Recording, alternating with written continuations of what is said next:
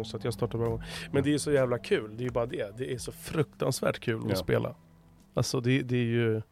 Jag har ju haft turen så att den, hon som jag lever med jag älskar ju det.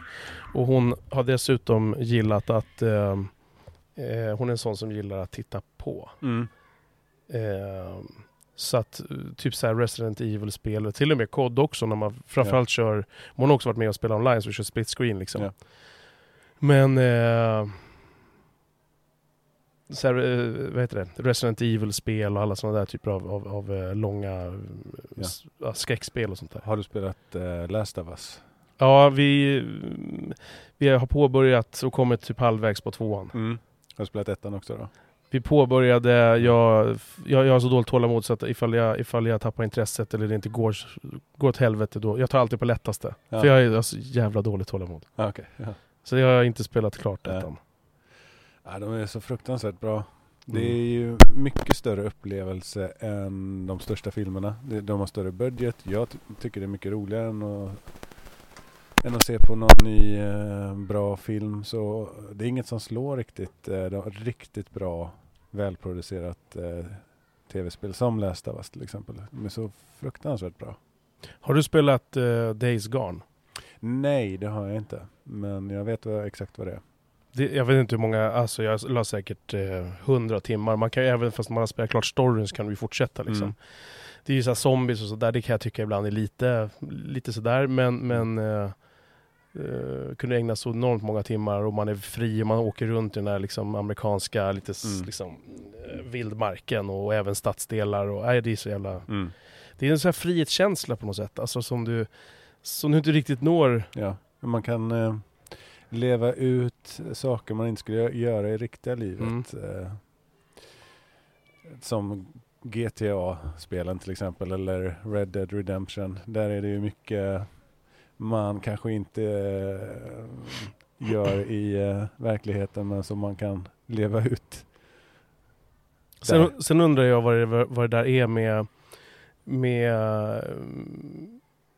med, med krigsspel och det här med att skjuta och det. Det är ju otroligt roligt. Jag menar Mm. att, att, att ehm, i, vad, vad heter det? Eh, inte det ena spelet, du, du, GTA. Mm. Att man liksom tar ett maskingevär och så går man in i, i en folkmassa. Det är ju Mm. alltså, det, det, vad är det liksom?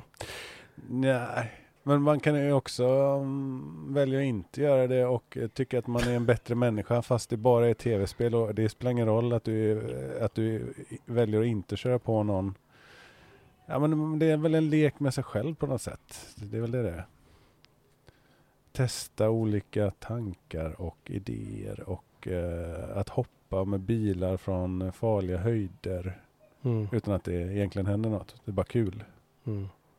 Ja, och sen så när jag tänker på det här när det gäller våldet just så är det ju, jag menar vi gillar ju att titta på vi, vi älskar ju att lyssna på liksom mordpoddar, vi gillar Ja. ju att titta på skräckfilm och sånt där. Så det, det är ju inte, men, men det, det blir- en annorlunda grej när man någonstans gör det här aktiva valet att gå in i den där folkmassan eller köra in med bilen Ja. eh, i det där spelet. Men, men ja, nej men alltså jag tänker Eskapism tror jag det kallas va? Det här med eskapism, att, eh, att eh, fly vardagen och eh, mm. leva i en annan värld helt plötsligt. Det är, Förr var det kanske mer böcker och sånt. Och nu har det tagit nya former såklart med ny teknik. Det, Mm. Men det är nog samma inneboende grej det här med att eh, vilja utforska, uppleva, testa gränser.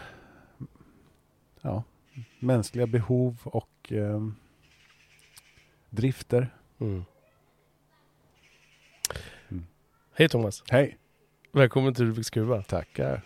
Eh, Thomas som är med mig här. Eh, ditt fullständiga namn? Eh, Erik.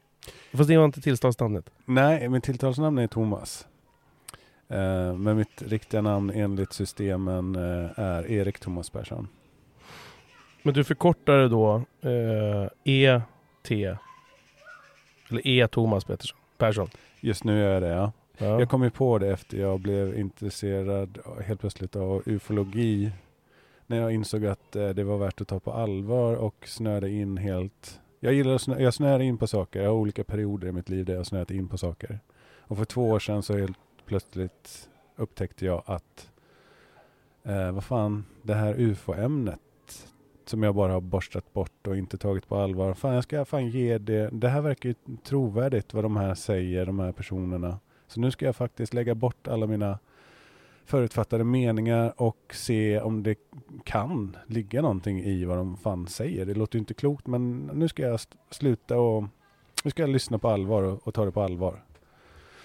Och sen blev jag hooked på det där för eh, det var ju fan riktigt bra uppgifter. Om jag då applicerar min kunskap som kriminalinspektör så på vittnesmål och, och bevisning så kommer jag ju fram till att det går att lita på massor av vittnen på det ämnet. Och sen efter ett tag i den där världen så kom jag på att mina initialer och efternamn om du uttalar det på engelska så blir det ju alltså E.T. person. och det är bara för roligt. Ja, det är otroligt. E.T. person. Ja, så därför så leker jag lite med initialen och efternamnet. Och så heter du ju också på, heter du inte bara ET? Va? På, var så vi, vi hördes första gången, var på Clubhouse. Eh, och där heter du bara ET va? Heter du ja. E.T? E.T. Persson och efternamn. Ja just det. Mm. Mm. Men det är inte lika roligt på svenska, det blir mycket roligare på engelska. Mm. Men eh, vem är, är, är Thomas då? Hmm.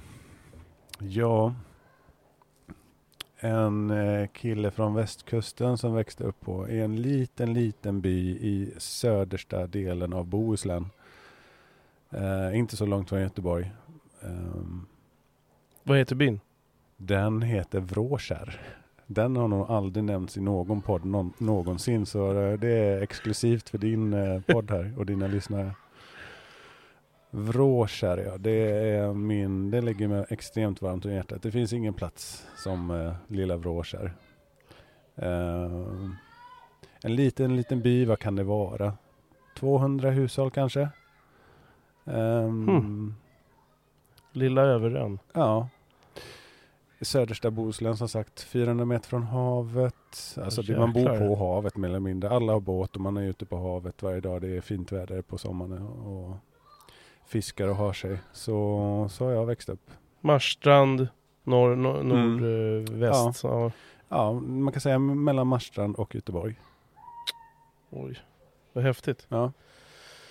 Ja, hur, mm. hur, hur länge bodde du, för nu bor du i Stockholm? Ja, ja precis. Um, gick teknisk på gymnasiet och sen gjorde jag lumpen som amfibie-plutonbefäl i 15 månader på K4 i Göteborg, eller AMF4 som det heter nu.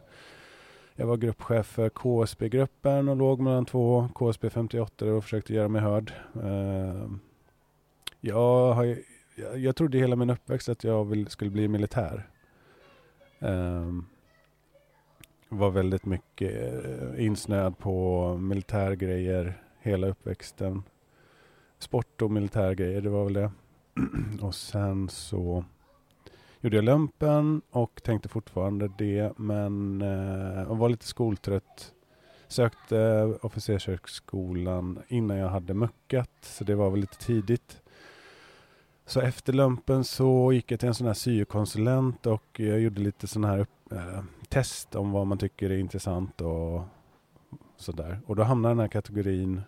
Alternativet var att bli som min far och bli ingenjör på och läsa Chalmers eller någonting sånt.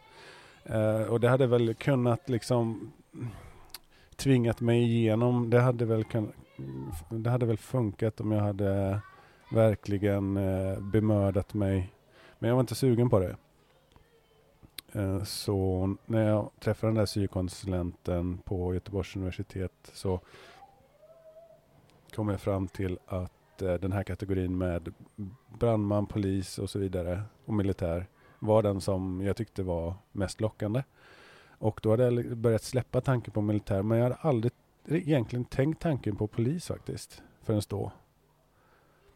Och sen när jag började tänka på det, vad fan, ja det är ju det är ju ungefär det jag vill, eh, vill göra. Alltså, det, som, det lockade väldigt mycket. Men jag hade inte tänkt tanken på polis. Det var bara militär. Men sen så och då sökte jag Polishögskolan och eh, råkade komma in. Men, men vad i polisyrket var det som lockade då? blåljusen och, och action? Ja, Liksom, eller? ja, Mm. action och jag, var, jag har alltid varit duktig på vapen och taktik och sånt. Eh, är det någonting som jag har uppenbarligen verkar ha talang för så är det väl ja, till viss del bollkänsla men framförallt skytte som jag, och vapen som jag alltid haft lätt för. Jag har vunnit de flesta tävlingar jag har ställt upp i och sånt. Eh, även på Polishögskolan och i militär, eh, i lumpen så hade jag mycket lättare än alla andra för att lära mig hur vapen fungerar och att träffa där man siktar och sånt. Så det är uppenbart att jag, det är väl egentligen min stora talang, känner jag. Men jag har inte riktigt utforskat det. Jag tränade lite sån här praktiskt skytte och sånt i, i eh, under min, eh, Eh, eh, efter några år inom polisen och så. Men jag kände inte att det, det var värt att göra något helhjärtat försök att försöka bli proffs i pistol, eh, dynamisk dynamiskt skytte eller praktiskt skytte. Dynamiskt skytte, det, det är en form av skytte där man sätter upp eh, små banor med enkla mål och ofta ska man sätta två kulor i varje mål och det ska gå så fort det bara går och det är liksom man ska skjuta med en hand, man ska ta upp någon sak med ena handen, man ska byta magasin, man ska låta bli att träffa vissa mål och, och man ska springa omkring och byta mål. Eh, det är jätteroligt och eh, det är fruktansvärt roligt. Men det blev bara inte så att jag satsade på det. Jag, tyck, jag tycker det var kul och jag har lätt för det men eh, något halvhjärtat försök duger liksom inte. Eh, om man jämför med de bästa som, som, som eh, skjuter hundratals, tusentals skott varje dag liksom. Då kan det komma någonstans men det vart inte att jag testade att eh, satsa helhjärtat på det.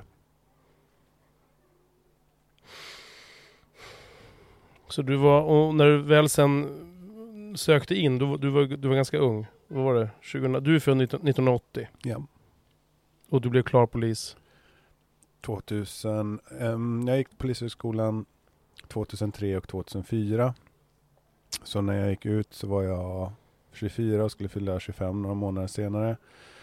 Läste på Polishögskolan i Umeå. och hade nog de två roligaste åren i mitt liv där uppe. Med Studentliv. Ehm, vi var väldigt tajta vi som gick Polishögskolan tillsammans där.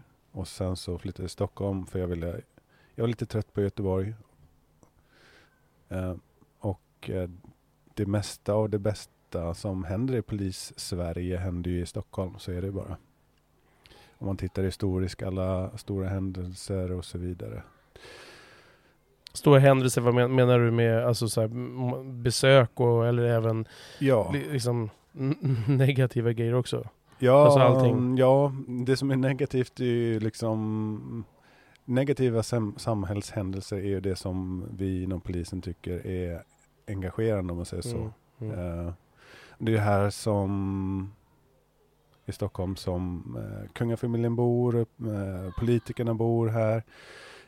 Om du till exempel tittar på olika dokumentärer, Peter-dokumentärer och sånt här. Eh, om du bläddrar i de här stora, stora händelserna i polis-Sverige, så att säga, Västtyska ambassaden, Palmemordet, mordet på Anna Lind, så är ju det mesta i Stockholm helt enkelt. Det är ju här det händer, så därför så vill jag vara polis i Stockholm.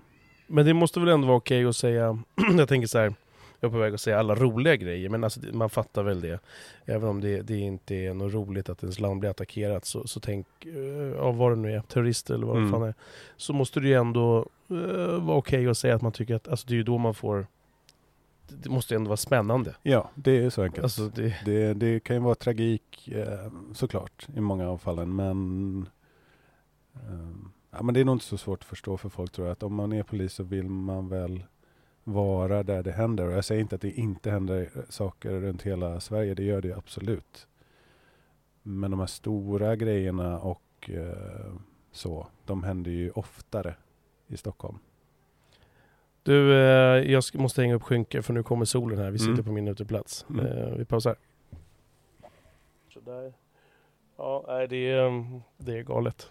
Nu har vi gjort en paus här och så fastnar vi vid, vid, vid, vid tv-spel igen. Igen. Eh, men bara för en, en tanke eller fråga jag ville ställa.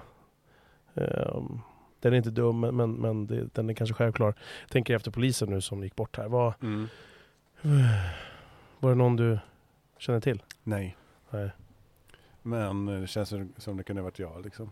Mm. Eh, känns som samma skrot och korn på något sätt. Kunde varit jag. Blir det här kollektiva... eh, Jag har en, eh, min, min eh, sambos eh, pappas fruga är polis och sådär. Eh, det är närmsta jag känner som är polis. Eh, och jag ser ju, man ser ju på alla följer ganska mycket poliser och sånt där. Mm. på Instagram. Det, den här, det här liksom kollektiva... man, man får verkligen känsla av att när, när, när det händer en polis någonting så blir det en sån enorm... Sen går väl vardagen vidare. Jag menar, Mm. Sen går alla hem och käkar middag och sen så är det en ny dag liksom någonstans. Men, Ja. men det känns ändå som att det... Är, är, den vi lik, sluter upp ja. ja, är det lika bra uppslutning, eh, eh, gå armkrok med varandra som det verkar? Eller är det också en... Ja, det skulle jag vilja säga. Men det är klart att poliser också har inre stridigheter men de glöms ju snabbt när någonting, eh, om det händer någonting utifrån. Då är vi ganska duktiga fortfarande på att sluta samman. Tycker jag är ganska skönt att eh, se fortfarande. Det där med kåranda är ju ett giftigt ord nu för tiden. Det brukade ju vara någonting eh, enbart pos- positivt men det har väl befläckats med nya tider och eh, det är många som tycker att det handlar om för mig är kåranda någonting fint. Jag förstår att det har funnits problem med eh, några incidenter. Alltså allmänheten minns ju bara kritiken i princip. Mm. Allting gott som kårandan för med sig eh, lägger man inte så mycket vikt vid utan eh, om en polis är kåranda så tänker nog många människor idag att det är någonting negativt. Men Mm. jag tycker det är synd. Eh, det är i alla fall någonting väldigt tryggt. För om du blir ansatt i, eh, ute i verkligheten som polis så kommer dina kollegor att eh, gå den där extra stegen och riskera saker för dig. Och om det inte är så så vet jag inte riktigt hur det skulle funka faktiskt. Jag tror inte det. Det finns ingen annan väg riktigt än att man måste sluta upp bakom varandra. Och som sagt var, det är något positivt tycker jag. Och mina kollegor tycker nog också det. Mm. De flesta. Usch, jag- mycket så här... ehm, Alltså, som jag sa till dig innan vi satte igång och sp- spelade in här. Så jag har ju alltid drömt om att bli polis när jag var liten. Och det, och det, eh, det är ju en sån här dröm som jag sett någonstans eh, försvinna iväg. Dels så pluggade jag inte de grejerna som jag, jag behövde. Jag sket i det och jag visste att jag skulle ångra det. Men sen också så vet jag inte i yng- yngre dagar om jag hade varit så jävla liksom, lämplig sådär. Hetsig och hett, hett temperament. Och, eh, tyckt eh, en, eh, en del grejer som säkert inte så, så eh, sådär bra kanske om man är polis. Ehm, och ehm, så att det här med, med, med hela polisgrejen är, är ehm, jag vet inte, jag bara, bara insåg det nu när jag sitter och pratar med poliser. Det är ganska laddat för mig. Ehm, på ett positivt sätt liksom. F- för det är också som jag tänker när den här polisen gick bort nu sådär så jag följer en del eh, po- poliskritiska sidor sådär Mm. och, och, och läser och jag tänker att det måste vara jävligt tungt eh, att få höra och läsa all den där skiten. Liksom. Här, man riskerar sitt liv, man går till jobbet, man, man eh, får en ganska dålig lön som vi pratade om och sådär. Mm. Och sen så, så får man så mycket skit. Liksom. Ja. Jag kan säga att det var mycket värre när jag, mina första år. Jag vet inte om folk minns det, men jag minns det mycket väl.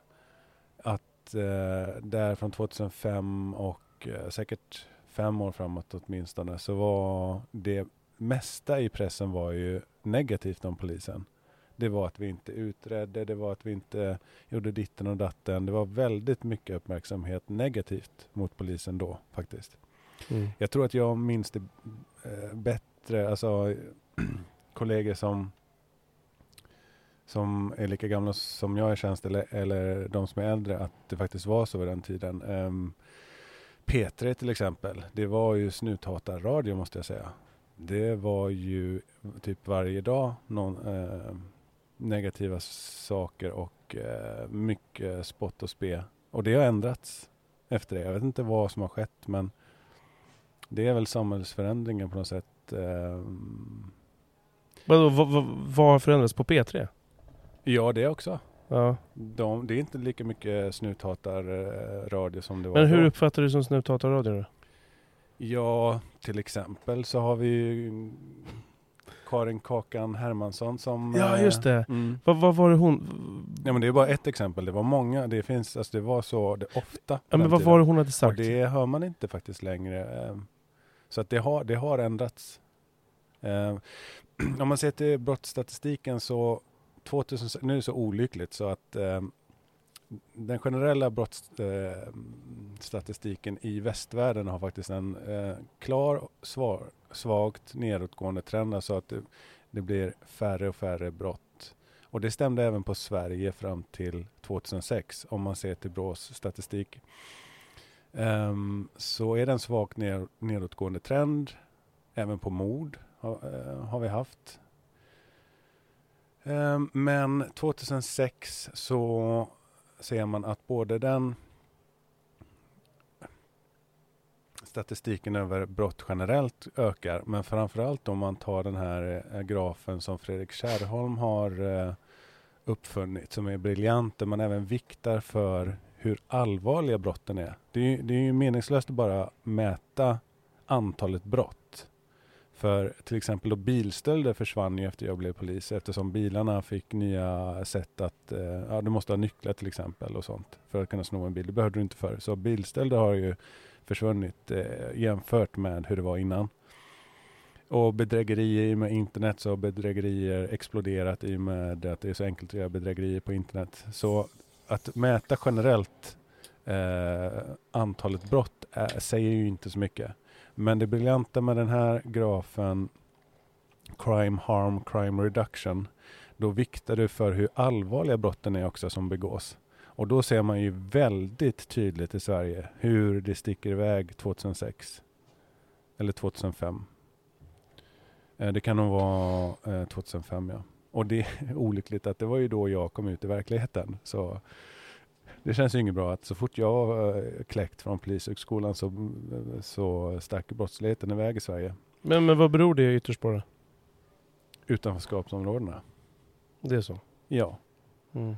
Men var, varför just 2006 då? det är inte den enda förklaringen men det är den största förklaringen. Ehm, skjutningar och sprängningar, det är bara att titta på statistiken, den ljuger inte. Mm. En- eh, Statistiken ljuger inte om ehm, skjutningar och mord, skjutningar på allmän plats och sånt. Det finns ingen, ingen, eh, ingen mörkertal att tala om. Sprängningar, inte heller någon mörkertal att tala om. Så där vet vi hur det ser ut. Men vad är din... Vad är din eh, eh min tanke är direkt då eh, så här. Genom att du, du, du, du som polis bara, bara, bara redogör för den statistiken. Och sen så säger du det där utanförskapsområdet. Då, då, då, då förstår du ju vad folk, några som kanske hör det här kommer direkt tänka liksom. Att, att eh, vad är det du säger då? Jaha, så det är svartingarnas fel?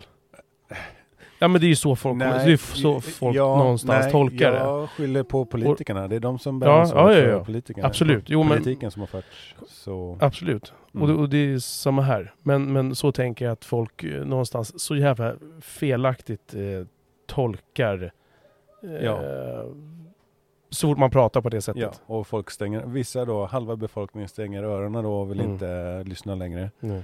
Och den andra hälften förstår precis vad jag talar Mm. om. Och det är ju svårjobbat. Jag tänker bara på den här bilden av polisen och, och, och liksom ehm, allt som händer och det här med BLM och kn- knäböjande polisen och, och allt det som hände i Mm. USA och allting så här.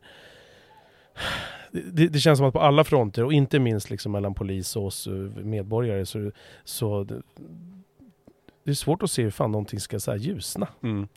Vi- Visste du att jag, nej det vet du inte, jag har djupdykt i, i det där med eh, brottslighet och eh, amerikansk polis. Alltså hur eh, det här med skjutningar i USA och polisens agerande i USA. Jag har djupdykt i eh, faktan och eh, ja, tillgänglig fakta och vad vi, vi, vad vi kan veta om det. Mm. För det, det börjar så här att 2015 så skedde det en skjutning som filmades i North Carolina. Och när man ser den filmen, eh, George, nej eh, fel, han hette Scott någonting. Eh, jag minns inte hans namn nu, men han sköts i ryggen av en polis. Som, han försöker ta polisens taser och då är amerikansk polis tränare att om någon tar din taser så är det livsfarliga. Då, då måste du skjuta. Alltså du, du bör skjuta om någon tar din taser. För om han, det enda som är kvar då är att han sätter den i dig och då blir du utslagen. Så därför tränar amerikansk polis på att ta någon din taser ska du skjuta. Och det är vad han gör. Bara det att den här mannen har då också vänt ryggen till och springer därifrån. Och polisen hinner troligen då han fortsätter att skjuta den här mannen i ryggen oförsvarligt mycket. Fan vad jag känner igen det här Ja. klippet. För Ja, här jag jag tror det är många som har sett det här klippet. mm. Eh, North Carolina 2014 eller Mhm. 15. Och när jag såg det så mådde jag dåligt för att vad fan slutar han inte skjuta för? Han springer därifrån. Det är såhär 6-7 skott Ja, eller någonting ja, i ryggen. ja. Mm. Han blev ju dömd också till 20 års fängelse ska vi komma ihåg. Mm. Så att vi, han gjorde inte rätt. Han gjorde gravt fel och blev få stå till svars för det.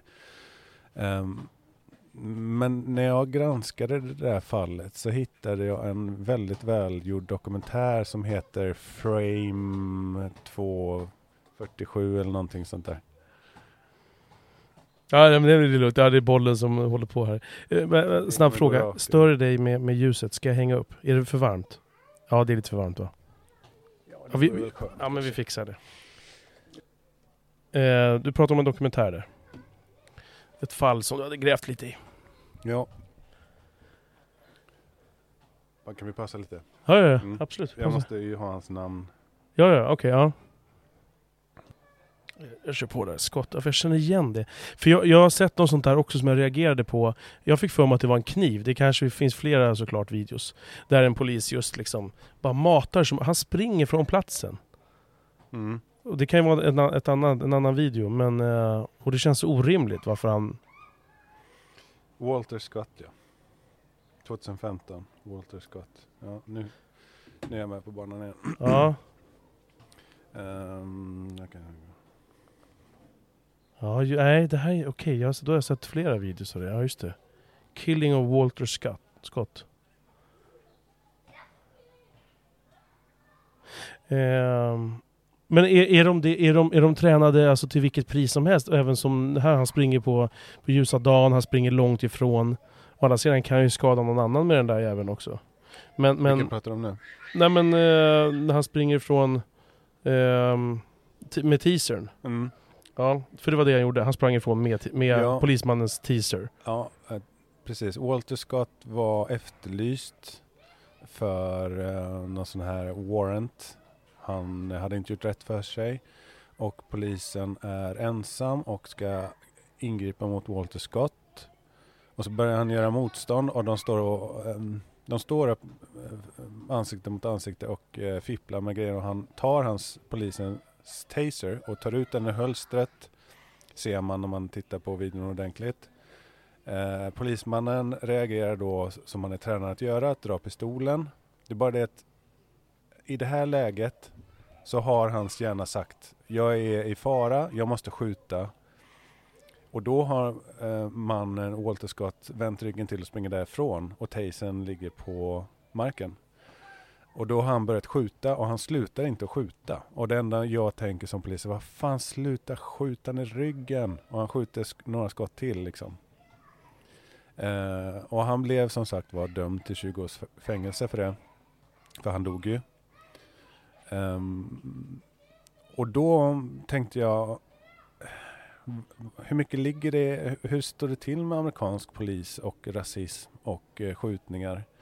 Så jag hoppade ner i det kaninhålet och läste på det som finns tillgängligt från från stora undersökningar från FBI, deras eh, databank och eh, Washington Post gjorde någon stor granskning och sånt där. Och det finns en eh, Nature.com har gjort en stor eh, metastudie om what the data says about police shootings. Och det är verkligen inte som Black Lives Matter påstår.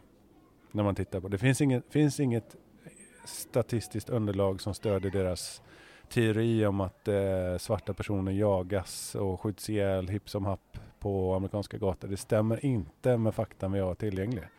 Det är bara det att det handlar om cherry picking och eh, anchor effect, alltså att eh, du väljer bara ut de här fallen där det är en svart person som utsätts för eh, vad som kan se ut som övervåld eh, men som inte är det och, och i det här fallet med, med eh, George Floyd där det är ett fruktansvärt Ja, det där är ett Det är så jävla or- det är så orimligt. Ja, det är så fruktansvärt orimligt det han gör. Så, och det drabbar också en svart eh, människa.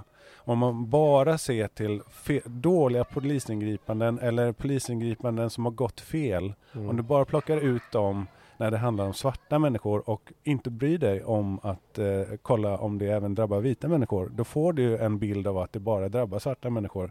Men granskar man det och försöker att tänka att okej, är det verkligen så? Då ser man att nej, det sker dåliga polisingripanden mot alla sorter i USA.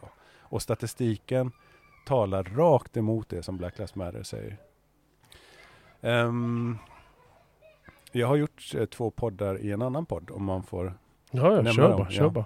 Eh, med Ro- Roni Berggren som eh, är väldigt, eh, som poddar om amerikansk politik och är väl en av dem som följer amerikansk politik eh, allra mest i Sverige skulle jag påstå. Och jag är med där och berättar om min granskning i avsnitt 1136 och 1137. Så jag har läst på vad statistiken säger om, om Black, vad Black Lives Matter påstår. Och om vi då tar Ferguson till exempel som exempel. Som var ett väldigt stort fall där Black Lives Matter fanns i princip inte innan Ferguson. Utan det var ju då Michael Brown, en svart kille som blev ihjälskjuten av polis. Och det påstods då att det var helt obefogat och att han hade hands up don't shoot. Han skulle ha haft eh, händerna i luften och, och sträckt upp dem i luften och gett sig och ändå sköt den vita polisen honom. Men det stämmer inte. Um, till och med Barack Obama gick ut och sa att det här är inte ett exempel av rasistiskt övervåld. För det är bevisat i en rättsprocess att Michael Brown hade rånat en affär, obeväpnad, men han snodde grejer och när han blev påkommen så hotade han expediten eh, och stack därifrån. Det räknas som ett rån. Så när den, polisen kommer dit och ska stoppa honom för han stämmer på signalementet eftersom det var han. Det är inspelat på övervakningsfilm när han tar de här grejerna från butiken. Så han gör helt rätt i att stoppa den här personen misstänkt för rån. Och då säger, vissa vittnen säger att Michael Brown gav upp och hade händerna i luften. Men bevisen säger exakt som polisen säger och några andra vittnen som träder fram då säger att det var inte alls så. Han anföll eh, polisen. Polisen sitter i sin bil och han hänger sig in genom den öppna fönsterrutan och de bråkar om polisens pistol. Han tar upp pistolen och skjuter Michael Brown medan han hänger in i hans polisbil och försöker ta t- eh, pistolen. Och det är ju enkelt att se att det rimmar ju med vad skotthålen är. Skotthålen är inte alls så som eh, de som eh, hävdar att han hade gett upp, utan skotthålen är i bilen och på ovansidan händer och så vidare. Helt, rimmar helt med vad polisen i det fallet säger, att han försökte ta hans... Eh, han anföll honom sittandes i polisbilen eh, och han försvarade sig och sköt honom. Det var det att Black Lives Matter bryr sig inte om att det här är liksom vederlagt. Barack Obama gick ut och sa att det, det här stämmer inte. Det var inte ett eh, rasistiskt illdåd av polisen utan han försvarade sig när han blev anfallen av Michael Brown. Och det, bara som ett exempel så CNN nämner fortfarande det fallet. Trots att Barack Obama har gått ut och sagt att det inte är ett fall av rasistiskt våld så säger CNN en, förra året efter George Floyd så räknar de upp Ferguson och Michael Brown som ett av de här fallen av rasistiskt polisdåd. När det är belagt redan, sedan länge, att det inte var det. Du menar att det, det är politiskt då? Ja, det är politiskt. Ja. Det är det här Mm. trycket. Vem vågar stå upp mot Black Lives Matter och säga att nej men det här är inte rasism.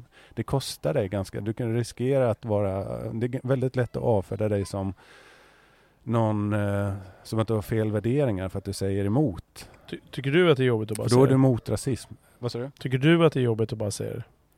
Nej, jag, jag, har ju, jag har ju kollat ordentligt vad, Mm. vad, hur det var och vad statistiken säger.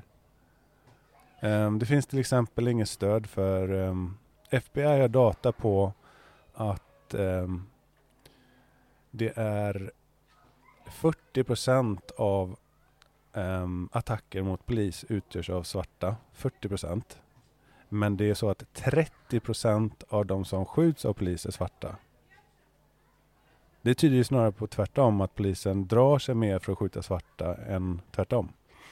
Ja, det, det, det finns tre undersökningar som säger att eh, polisen skjuter eh, svarta i, i ration om 28 procent säger en undersökning, 30 och 31 procent tror jag det är på de andra två undersökningarna. Men, eh, och så finns det någon undersökning att 40 procent av anfall mot polis, eh, attacker mot polis utgörs av svarta. Då, det pekar ju åt andra hållet att det finns också ett experiment som är man, man kan lita på experiment. Men man har i alla fall gjort ett experiment eh, där man konstaterade att svarta poliser var mer benägna att eh, skjuta svarta eh, än vad vita poliser var. Det tycker jag lå- låter mer rimligt att det här sociala trycket om att eh, är man vit så ska man inte skjuta svarta för att det där Ja, med just rasism. Mm, Det rimmar mm. mer med det. Och jag menar, eh, för något, för ett kort tag sedan här, jag kommer inte ihåg när det var, men det var ju en eh, vit polis som sköt en svart kvinna som gick till attack med en kniv och högg en annan svart kvinna. Han blev anklagad för rasism för att han sköt den här kvinnan. Hon hade Mm. alltså ringt polisen. När, han, när polisen kommer dit så går hon till attack mitt framför polisen och försöker hugga en annan svart kvinna. Mm. Han skjuter henne för att rädda den andres liv och han får skit för att han är vit och rasist. Så där, så där har det hållit på nu. Det, det är helt bisarrt. Helt bisarrt är det. För jag, det jag tänker på när, när det gäller så här att, att eh, öppna verkans eld, visst heter det så? Mm.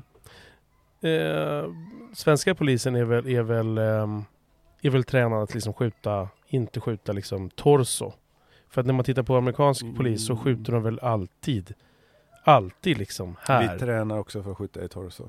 Har det, alltid, har det alltid varit så? Ja, alltså. Jag tycker så här, skjuta i benet typ. Så jag tänker Mm. som om någon springer eller tar ner någon som står framför en med en kniv. Att först börja med benet istället för att skjuta här. Det är väl Mm. rätt, är inte det rätt uppenbart att man, här ska man inte skjuta? Om det inte är för att döda. Mm, Vi, snackar, vi, vi, vi säger inte att man skjuter för att döda, du skjuter för Nej, att nej. oskadliggöra. Ja, men så- men sen det räcker inte med benet. I vissa fall räcker det med benet, absolut. Men Av de där sex kulorna på han, eh, han som vi googlade på nyss, vad hette han? Eh, Walter Scott. Ja, Mm. hade inte det räckt med tre kulor, fyra, fem, sex, en salva där och, och sikta på benen? Jo. Så hade den ramlat ihop. Ja. Varför skjuta liksom i ryggen? I det fallet, Lungor om jag ska ge min analys av det fallet så jag kan dra en parallell till ett svenskt fall som SVTs Uppdrag granskning gjorde ett inslag om. Eller programmet, tror jag, två program. Där en polis eh, upplever att han håller på att bli påkörd. Så han drar vapen och börjar skjuta. Det är bara det, med facit i hand så ser man på filmerna att han för någon kort stund så ser det ut som att han håller på att bli överkörd. Men bilen svänger liksom. Eh, och han kan inte sluta skjuta i det läget. För han har börjat och bestämt sig att hans liv är i fara. Och då börjar han skjuta. Och sen, kan han, sen så har hans hjärna sagt till honom att du är under fara, du måste skjuta. Och då, fort, då är det jättesvårt för hjärnan att sluta skjuta. Det finns, det finns mängder av sådana här exempel där, där eh, en polis drar sitt vapen, börjar skjuta för att hans liv är i fara och sen kan inte hjärnan växla och säga men just nu är du inte i fara längre, du behöver inte skjuta längre. Ja, för du sa samma sak med förra, jag, Mm. jag, jag reagerade på det, Mm. för du sa det att ja, men, hans hjärna kan inte, och då, och då satt jag och tänkte så här, hur fan vet du det? Men okej, det, du, du menar Det är ett att, återkommande ja, det är ett återkommande Ja, mönster. Ja. Mm. För ni är ju också För- människor. Ja, när vi är i stresskonen så är vi också i stresskonen. Om vi Mm. tror att vi, vårt liv håller på att eh, försvinna så kommer vi också inte kunna riktigt eh, sansa oss. Så är det. Det är därför den polisen i Sverige blev frikänd på, på rätt grund. Han blev, där tog man det i beaktning. Det var det, det viktiga, att, den här effekten av att hjärnan har sagt till honom att eh, du är livsfara. Och sen är det svårt att växla ner från det. Mm. Eh, Men i det fallet, Walter Scott där, han, han, där bedömde man att det var fel att sluta skjuta mot överkroppen som han gjorde och därför fick han 20 år i fängelse. Det var fel att han slut... Nej, det var fel att Att han, sköt. att han fortsatte skjuta. Ja, ja, mm. ja. Just det. Ja. ja, det finns mycket statistik som talar för det jag säger och varje gång jag efterfrågar data för vad Black Lives Matter hävdar så lyser det med sin frånvaro. Det finns ehm, till exempel, alltså det är jättelätt att hitta om man letar fall med dåliga polisingripanden mot vita människor. Som visst, de nämns, men de läggs inte i något mönster. De placeras inte in i något fack som man liksom tar upp sen för att försöka visa på att eh, amerikansk polis är rasistisk mot vita. För det, det narrativet finns inte. Det finns ingen Mm. sån eh, eh, svarta polisen som skjuter vita liksom. Det finns ingen så, en sån Ja, eh, exempel- i USA då tänker jag. Känner du till eh, namnet Tony Timpa? Nej. Nej. Ska jag berätta varför du inte känner till det? Ja. Det är för att det är ehm, en eller två svarta poliser som eh, orsakar en vit mans död. Han ligger på mark, han är psyksjuk, Tony Timpa. Och de eh, sätter handboj på honom och eh, är på hans rygg. Låter honom ligga kvar på marken och ställer sig upp. Och mm, är det närmsta skrattar åt honom. Det här är ju inspelat med deras bodycams. Um, ehm, han dör under deras ingripande, Tony Timpa. Men det där når ju nyheterna visst, men det glöms bort lika fort. Och eh, hade, det var, hade han varit svart och poliserna vita, tvärtom alltså, så hade du hört talas om det. Men nu när, när eh, färgerna är omvända så har du inte hört talas om det. Det kallas för cherry picking, att du väljer ut vissa fall. Och de flesta av de här fallen är jävligt skakiga. De, alltså, som jag sa, jag tog Michael Brown och Ferguson som exempel, som är ett av de fundamentala exemplen som Black Lives Matter drar upp. Det är inte ens ett fall av rasistiskt polisvåld. Det är bevisat i en rättsprocess att det inte är det. Och de nämns ändå. Så att de få fallen de väljer ut, många av dem håller Ja, inte ens. Det är ju galet och egentligen om, om, det, om det är visat i rätten att det inte är det, det är det man Mm. kommer fram till, då måste man ju någonstans lita på det och då kan man inte säga att det var en våldtäkt om det är så att det faktiskt är dömt som, som att det inte är en Mm. våldtäkt. Jag känner mig ganska trygg med att dagen, alltså det, visst har polisen i USA varit rasistisk som fan förr i tiden. Det är bara, ju längre bak du går, desto mer rasism hittar du. Absolut så är det. Men de senaste, på 2000-talet, om du letar så om du letar objektivt så hittar du ingen stöd för vad Black Lives Matter påstår. Nej, jag säger att det finns eh, en eh, enstaka fall, naturligtvis finns det det, och det finns väl även här i Sverige. Men, men jag Mm. tänker att eh, det knasiga är ju att, att det finns ju ändå, jag vet inte hur man ska kunna liksom komma ehm, hur vi ska kunna komma någonstans med de här, vare sig Sverige eller USA eller eh, vi pratar om våra liksom problem här i Sverige, hur vi ska kunna komma någonstans när narrativet på ena sidan, vi säger de svarta nu med BLM, är på det här sättet och de är övertygade och de, de, de skaffar ungar och de, de lär om att det, så här är det och så vidare. Och sen så finns det ett annat narrativ som andra människor sitter så här, om man aldrig kan mötas för att man tycker inte att man Ens Mm. kugghjul går aldrig ihop. Jag vet Nej. inte hur man ska kunna komma liksom fram, Nej, det- ska nej. och även med det skiten som händer här, vi pratade om liksom i pizzeria här i, i, min, i min, min kommun, liksom, en skjutning på, på kort tid nu, typ tre skjutningar på en månad. Det är så här, ehm, och då, där, där kickar ju min ehm, ehm, m- m- liksom mina, mina gamla, gamla och fortfarande existerande rassetankar kommer in. Liksom. Mm. Jag vill inte ha det på det sättet. Och det är så här... Ehm, jag, jag, jag vet inte hur vi ska, hur fan vi ska komma framåt liksom. Hur vi Nej, inte så, länge, ska... så länge man inte har... om man har vitt skilda bilder av hur verkligheten ser ut så blir det extremt svårt. Det blir extremt svårt. Till exempel så skulle jag väl påstå att eh, det är väl allmänt accepterat att George Floyd-fallet, för det är det stora fallet i- just nu fortfarande, att det handlar om rasism.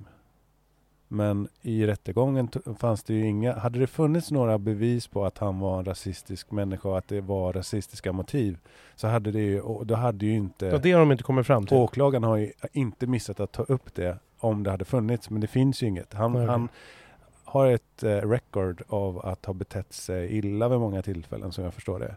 Men det, Mot just svarta eller? nej, inte så, nej. Hade, hade vunnits det så hade åklagaren tagit upp det tänker jag. Vad har vi för Mm. uppgifter som, som, som, som bevisar det som alla tar för givet att det handlar om hudfärg? Vad har vi? Nej, jag har inte sett något och jag har ändå varit nyfiken. Mm. George Floyd-fallet var ett extremt olämpligt. Han förtjänar att ruttna i fängelse för, för vad han gjorde. Men han har ju, hade det funnits några belägg eller eh, historik om att det faktiskt handlar om hudfärg så hade väl åklagaren tagit upp det. Eller CNN hade väl tagit upp det. Det finns ju inga sådana uppgifter om att det finns eh, goda skäl att anse att det handlar om hudfärg. Men det är ändå allmänt accepterat att det var det. Va, vad hände med hans kollegor? För Jag tänker på de som står och tittar där. Som dessutom är, mm, de är inte vita. Ja, någon är väl asiat eller någonting. Ja, Ja, ja, bland men- annat. Men, men, men det, det, det, det spelar väl egentligen ingen roll? Jo, ja, det beror på om du frågar. Jag tycker inte det spelar någon roll, men när du frågar Black Lives Matter så handlar ju allt om hudfärg. Så jag vet inte, ibland spelar det roll, ibland inte. Men du förstår, min poäng är att man väljer just dåliga polisingripanden bara när det är mot svarta. Mm. Det är de man tittar på. Och sen bryr man sig inte om vad datan säger och det tycker jag är fel för att eh, då blir det cherry picking.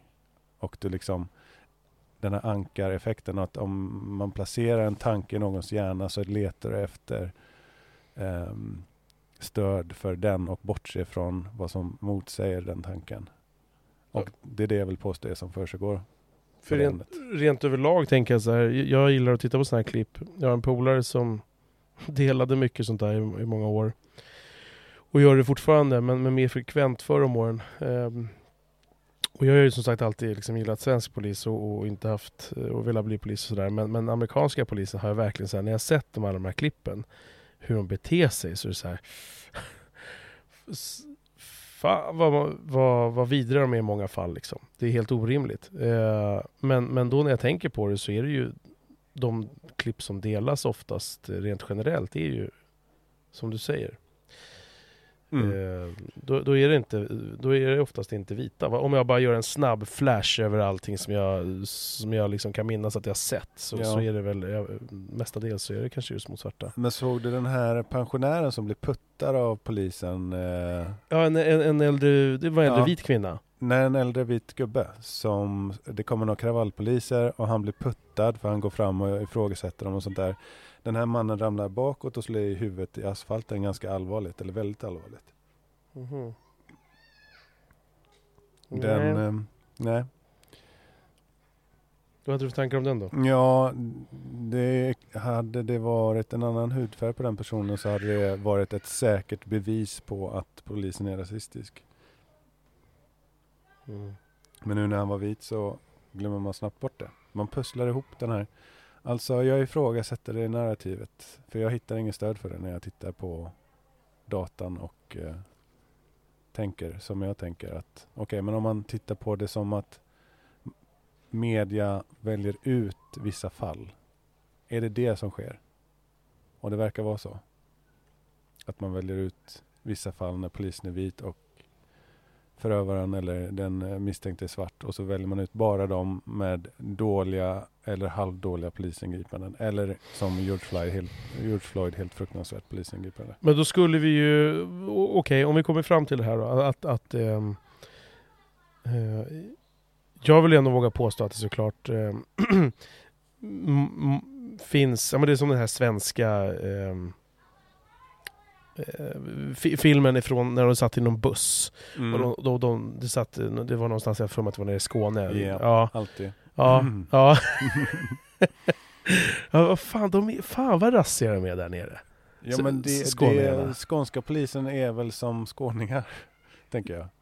Jo. Ja, jag förstår att det finns exempel, men jag, jag kan bara svara för eh, Stockholmspolisen. Det är den jag har koll på och ehm, jag har inte upplevt att det är någon utbredd rasism inom eh, Stockholmspolisen och jag tror inte att det är helt annorlunda på vissa, på andra ställen. Kanske att malmöiter är, är, har en kultur, jag vet inte. Men samtidigt så är det ju så jävla rörigt där nere och de borde ju vara mer vana. Jag tänker att mångfalden av eh, i en storstad borde ju göra att man är mer open-minded. Eller så blir det tvärtom. Om man bara åker efter lägenhetsbråk efter liksom lägenhetsbråk på, på samma typ av adresser i de här områdena så kanske det också skapas jag fattar det rakt av. Det, det är där det här är en av anledningarna varför jag, inte, jag har alltid Mm. känt att jag inte kan vara lämplig som polis. För att jag liksom har haft, haft mycket rasistiska tankar, Mm. eller åsikter. Liksom. Mm.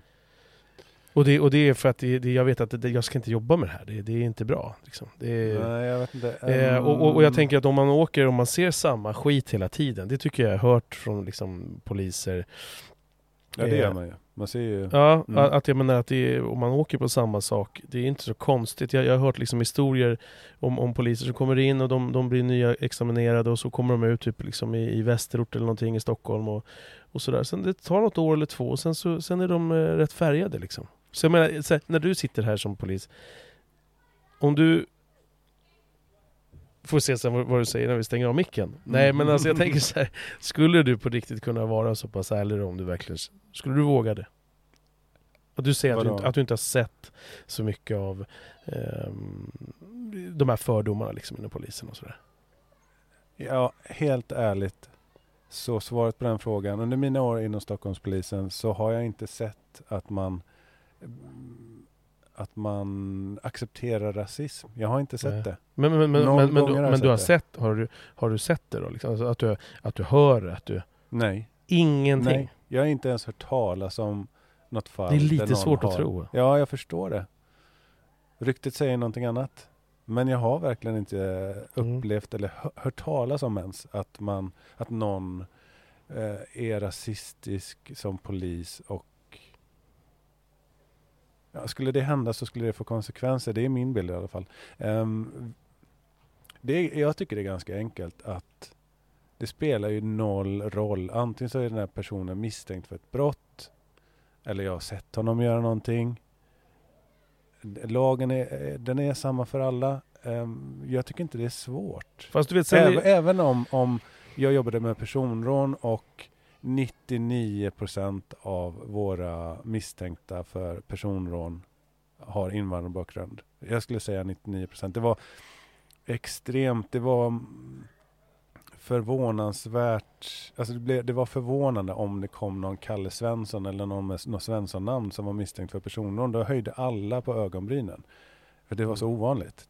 Det, liksom, det var ju, det är alltid liksom förorterna med Tensta Rinkeby som eh, ett och två som var representerade.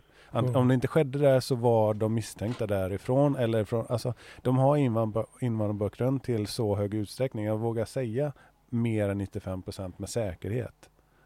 Och, och, och, och jag, jag misstror inte dig och jag, det lilla vi har haft kontakt så har jag noll, eh, man kan aldrig lära känna en människa på, på, på så kort stund men, men den kontakten vi har haft av dig och det, den, de ord jag hör av, dig från andra och sådär så finns det ingenting i mig som tvivlar på att du sitter och säger det för att ge en förskönande bild eller att det skulle visa sig att du är liksom eh, eh, mm, något Ja. annat än det du säger och att du tycker att det skulle ligga någon, någon, någon grundläggande rasism i dig. Liksom.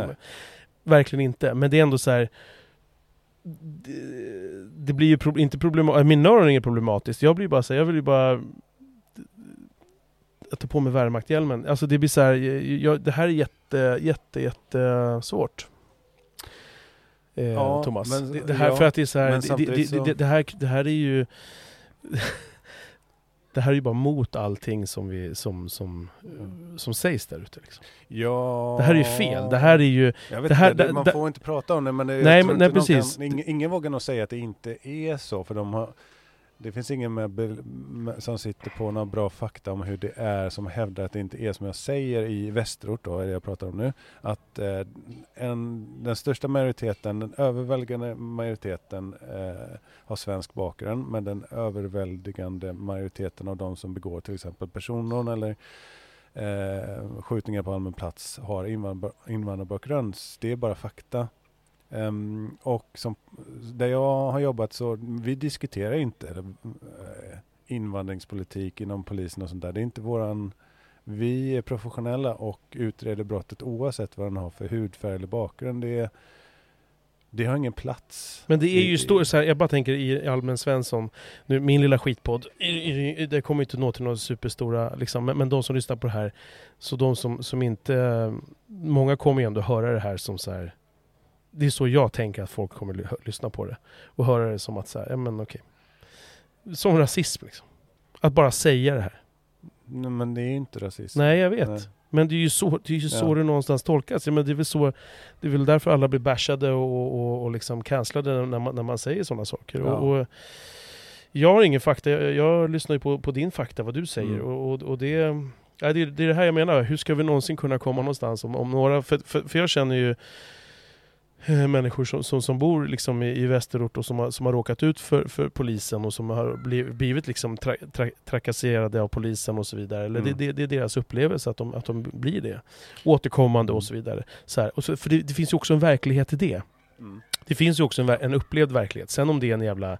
Jag, jag har kompisar som, som är uppfödda här men som kanske har invandrarföräldrar och som har berättat att, att eh, så fort deras mot, de har fått motgångar i livet, jag drar ingen jämförelse med de här ingripande polisen, men, men när man får motgångar i livet så, så, så ser man rasism överallt. Det tror jag också är problemet. Man kan se rasism i, i det du bara beskriver utifrån den faktan du kommer Mm. med och man ser rasism i precis allt. Liksom. Mm. Så det finns ju alla läger. Och jag bara Ja. tänker så här, hur fan ska vi två vitingar här kunna möta någon annan unge som, som, som eh, tycker att eh, alla poliser och alla svennar är Ja. rassar liksom. jag, jag vet inte hur vi ska mötas på mitten. jag, det jag, tycker, jag kommer inte sitta och, och, och förklara varför jag inte är rasist hit och dit. Jag Nej, vet- nej, nej, nej, vet- nej, jag- nej. nej, precis. Nej men jag, det var, Eh, jag, och jag ber inte om det utan nej, det var Men om någon, om någon skulle tänka på det viset så jag kommer inte sitta och jag känner inte att jag behöver det för jag vet var jag står och så vidare.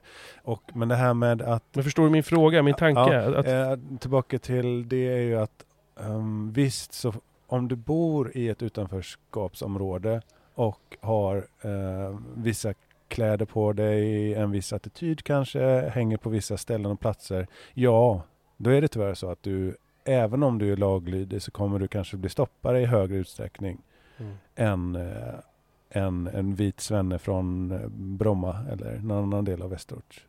Tyvärr så är det en konsekvens. Men då kan man ställa sig frågan om då 95-98 eh, procent av, om jag då som jag har gjort jobbat med ungdomsrån och där eh, över 95 procent, eh, långt över, har invandrarbakgrund. Är det då inte logiskt att just de jag stoppar och kontrollerar att de liksom också är kanske ändå ungefär samma procentuella tal Mm av de stoppar. Är det rasism då? Jag tycker inte det. Ehm, det handlar inte om hudfärg utan det handlar om olika små byggstenar när man stoppar folk och så vidare. Och Mm. tyvärr så, om du, som jag sa, om du, om du bor i de områdena och ehm, uppträder på ett visst sätt och så vidare och, och, och eh, ställe, tid och plats och attityd, uppsyn tycker jag är viktigt. Uppsyn, alltså vad du har för eh, du blänger på polisen till exempel. Ja, då kommer du fånga vår uppmärksamhet och du kommer bli kontrollerad i ganska hög utsträckning. Tyvärr. Det, För, att, för att man tittar på dig. Er. ja, men jag Ja. förstår. Det hänger ihop med allt det andra. Ja. Ja, men just det här med uppsyn och hur du uppträder och klär dig och tid och plats. Är, och frågan är då, är etnicitet en byggsten? Det är den kontroversiella frågan då. Om polisen stoppar och kontro- kontrollerar någon, finns det en byggsten som handlar om etnicitet? Svaret är nog troligen ja på det. Men det är ju inte i sig så avgör ju inte det. Om det, om det står en svart eh, kille i busskuren klockan åtta på morgonen med ryggsäck på väg till skolan så spelar det ingen roll. Vi kommer inte kolla honom i alla fall. Så ser jag på det. Jag hoppas att alla ser på det på det sättet. Och jag, jag har inte sett några tecken på att det är på någonting annat. Vi är inte ute efter att stoppa laglydiga människor. Riktiga snutar gör inte det, utan vi, vi vill jaga kriminella. Hur länge var du, var du ute liksom på fält då? Ja, jag var sex och ett halvt år på utryckningen i Roslagen, södra Roslagen, Åkersberga, Täby, Vallentuna och så vidare. Eh, och sen har jag varit på ungdomsrånkommissionen i Västerort i, vad var det, fyra, fem år. Jag jobbade med grova brott bland ungdomar främst och även mm. spaning och utredning mm. av uh, grova brott som uh, mord, mordförsök, våldtäkt, uh, även lite narkotika och lite vuxna också. Och sen har jag varit, var jag utlånad till spaningsmord-sektionen på Regionskrim som det heter numera.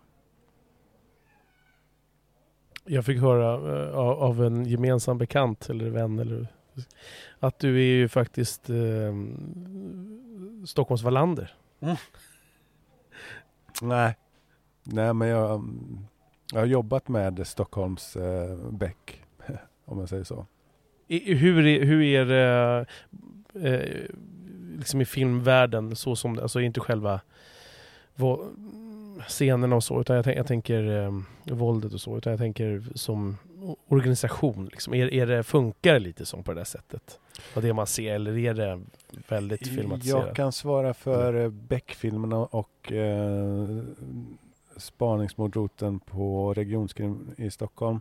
Eh, den är ju baserad, Beck eh, ska ju vara just spaningsmordroten i Stockholms län. Mm. Och där har jag ju varit och känner de som jobbar där. Och eh, om du tittar efter texterna till Beck-filmerna så ser du att ett namn som heter Dan Boya, eh, en av legenderna där på den sektionen. Han har ju försökt att, att styra dem rätt när de gör de där filmerna. Beck just. Eh, och eh, de lyssnar väl lite när de känner för det. Ibland när han säger, nej men ni kan inte låta Gunvald Larsson springa in före piketen med Eh, med picka och eh, skyddsväst utanför eh, slipsen liksom. Det, det, är inte så det funkar utan han är kvar på kontoret och piketen gör det där helt själva. Då tycker de att ah, men det blir för dålig film så vi skiter i mm. vad du säger just nu. så att de, de plockar väl eh, vissa uppgifter och, och, lyssnar på hur det fungerar i verkligheten och ibland skiter de i det för att det blir för dålig film. Men, men och, och där är du nu? Ja, det är min senaste um, när jag varit tillbaka. Jag varit sjukskriven. Jag fick uh, en hjärntumör för några år sedan, så jag varit sjukskriven. Oj! Ja. Det visste inte du, nej. Nej. nej. Jo, så när jag var utlånad dit där mm så ehm, helt plötsligt så när jag stod och pratade med min eh, chef så föll jag ihop i mitt första epileptiska anfall och ehm, fick köras till akuten och där såg man att jag hade en hjärntumör. Så jag har opererat först en gång och sen gick det väl, vad var det, ett år? Eller två år. Så um, kom den tillbaka och så opererade jag en andra gång. Första operationen var på gam gamla Karolinska och andra operationen var på nya Karolinska. Det var som natt och dag. Det var väldigt mycket bättre att bli opererad på nya Karolinska kan jag säga. Eh, och sen körde vi lite strålning också i Uppsala. Åkte jag fram och tillbaka i några månader och strålade skallen. Så två operationer och en dos strålning. Sen var man inte så fräck. hur, hur länge sedan är det här? Eh, ja, ett, par år sedan nu som eh, eh, två år sedan som jag slutade med eh, strålningar. Men de fick bort skiten? Ja, ta i trä. Vi får se. Det kommer tillbaka en gång, men just nu finns det ingen eh, ingen anledning att tro att det finns någonting kvar. Men jag går ju och magnetröntgar skallen en gång per halvår. V var har du? Den satt um, fram ovanför tinningen på höger sida kan man säga. Men du, du har ju liksom inga, du har ju inga ärr eller? Jo då. Ja, där uppe. Ja, här ser du. Där är en slags um, halvmåns eh, dalkrater i skallen. Så. Vilken jävla överlevare då. Ja, tack, tack. Ja. ja, än så länge går det bra. Eh, ja, varför får man ny hjärnt? Alltså det, det vet man det. Nej, Det bara blir något. jag kommer inte få något svar på det. Men jag har nog haft en, när jag frågade då eh, sent 2015 om hur länge jag hade haft den så kan de, de vet ju inte riktigt men kanske tio år, kanske mer. Och sånt där, det är ju omöjligt att upptäcka om du inte har någon, alltså Ja, jag har inte sett några tydliga... Det enda var att jag hade lite problem med eh, när, om jag skulle somna på natten så vaknade jag efter någon timma och av att tankarna bara snurrade. Jag kunde inte sortera tankarna och det här med planering och sånt, eh, liksom struktur i planering fungerade inte. Eh, vilket resulterade i att när jag väl somnade sen senare på natten så hade jag väldigt svårt att komma upp i tid till jobbet. Vissa, när jag drabbades av de här eh, sömnsvårigheterna. Och det kan väl vara kopplat till eh, att jag hade cancer i den delen som, eh, som generellt sett ska hantera planering. Jag har frågat vad är det för funktion där, det- där den här tumören har suttit och det finns bara ett svar och det är planering. Så. Jag är inte världens bästa på att planera grejer.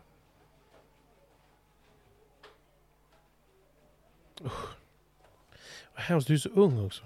Mm, tack. Vad jobbigt. Hur, hur, hur, ehm, hur mådde du un- under, under den där processen då? Ja, det var ju som en blixt från klar himmel. Ehm, Hade du någon dödsångest? nej, det hade jag inte. Hej gubben. Du går ut. Ja. Ehm, nej, Har du telefon med dig? Ljud på. nej. Jag kan berätta att eh, natten innan operationen då så fick jag sova över på Gamla Karolinska innan första operationen. Eh, och då mm, hade jag ju eh, mass, flera timmar där med man skulle göra sån här eh, skrubbdusch inför operation och så här antibakteriell historia och eh, eh, det enda, jag, jag hade ingen dödsångest över det. Jag var någon slags upprymd av eh, livsenergi på något sätt. Eh, Att jag ville överleva, det var mer så. Och, Mm. ja, och en annan rolig detalj är att efter det där, flera veckor eller månader efter eh, första operationen så kom jag på att den där tiden, eh, natten innan första operationen, att det hade varit ett ypperligt tillfälle att någon gång tänka tanken att be till Gud till exempel. Ja, Ja, att tänka tankar om, Om större. benbön eller Mm. eh, Gud och så vidare. Och eh, som sagt var, ett, ett tag efter operationen så kom jag på att den tanken slog mig aldrig ens. Inte en enda gång dök den tanken upp om att eh, be en bön eller någonting sånt. Så jag tror att jag är någon slags, eh, jag är ganska trygg i min ateism, att jag inte tror att eh, ehm, gudsbegreppet och eh, som religionen i alla fall påstår att det ligger till. Jag tror inte på det och, och det är verkligen ingen del av mig som tror på det verkar det som. Och och jag tänker på en till grej, att du sa att ehm, Nej men att du, du fick snarare en vilja liksom att men det här ska jag fixa, jag vill, jag vill Mm. leva liksom. Hade du varit en sån som kanske, fuck, nu dör jag.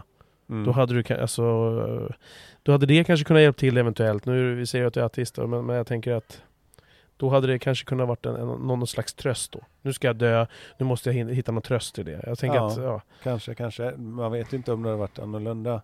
Hade jag haft sämre utsikter, eh, alltså hade det varit... Eh, eh, nej men det såg väl ut som att de skulle klara den där operationen att det skulle gå bra liksom. Man vet ju inte hur, hur det hade varit om det hade varit eh, vadå, en på tio att jag skulle överleva eller någonting sånt där. Jag vet inte. Jag kan inte eh, föreställa mig hur det skulle vara. Så. Men i alla fall så slog det mig då ett tag efter att jag inte ens tänkte tanken på att be eller Gud eller någonting sånt. Har du gått igenom det där liksom eh, jag på att säga smärtfritt, men alltså jag tänker så här nu när du går vidare, är du skär, alltså skärrad på något sätt? Är du, eller står du bara ännu starkare och, och, och, och är gladare varje morgon du vaknar upp? Eller finns det någonting, något negativt? Det är klart det måste finnas det på något sätt, men Ja. i din vardag, i ditt liv, att du så här förändrade det någonting? Mm, liksom? Ja, det har det gjort. När man opererar skallen så får man eh, många liknande symptom som de som är eh, eh, utbrända, alltså att hjärnan är uttröttad för den, måste, den har kämpat med att återhämta sig och reparera sig. Så jag är numera känslig för, för mycket ljud och ljus och eh, om du sätter mig i en affär med mycket ljud, ljus och folk bakom ryggen och sånt där så blir jag yr. Är det här jobbigt? Nej, det här funkar. En stund. Ja. Det kan däremot hjälpa med de här. Ja men jag, ja, men jag, men jag tänkte också med, med ljudet i bakgrunden med, med Så nu förstår du varför jag sätter på mig solglasögon. Ja, ja absolut. Men, men jag tänker med att, att det springer ungar och folk här och så. Är, är det jobbigt? Nej, det, om du hade placerat några eh, högljudda ungar precis Ja, det- ryggen här, då hade jag... Ja, jag eh, fattar. ja. ja, så det, jag är stimulikänslig, heter det. Eh, jag har blivit hjärntrött av eh, mycket belastning, alltså intryck och eh, ljud och ljus och folk och sånt. Men du jobbar fullt nu eller? Nej, Hur mycket jobbar du då? eh, noll procent just nu. Okej, så du är fortfarande Ja, sjukskriven? ja.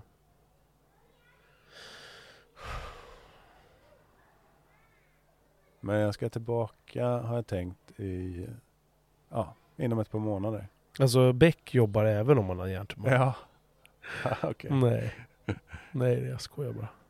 Fan vad sjukt. Vad... Ja, Ja men så är det. Men om du sätter mig i mitt sovrum hemma och släcker och allting är tyst så märker jag, då märker jag noll skillnad från innan. Då är det noll. Men det är det här med eh, eh, min hjärna orkar inte eh, om du utsätter den för stress och ljud och ljus och sånt så orkar den inte mycket alls. Men om du, om du vid en lagom nivå så orkar den eh, hyggligt. Eh, och sätter du mig i ett tyst svart rum så är det som att inget har hänt. Då märker jag ingen skillnad. Men eh, hur kommer det här gå då i framtiden och vad finns det för plan för att du ska återgå? Ja, jag får väl ehm, förlika mig med att jobba ehm, mindre och med enklare saker kanske än jag har gjort innan. Då får vi se sen vad jag orkar och klarar av. Och enklare saker, det är för att du inte ska bli så jävla hjärntrött Ja, liksom. exakt. Mm. Och du kanske också skulle, fast det blir knasigt när du led, eller ja, du kanske skulle jobba Då trivs du ganska bra när, när, när, när, när eller sämre den här årstiden, eller? Jag tänker att det är Ja. mycket ljus, att det är Ja, bättre vinterhalvåret då. Ja, det är det faktiskt. Ja, det är det. Det är det faktiskt. Så är det. Ehm,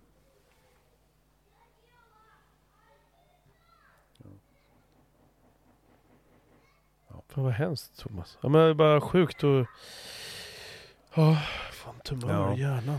sånt är det ibland. Nej, men det känns ju lite overkligt. Men nu har man ju gått igenom det så nu har man lärt sig. Det som jag... Det, jag, jag har ju släppt... eh, fått förlika mig med det också att jag inte kan jobba ute längre, vilket jag tyckte om.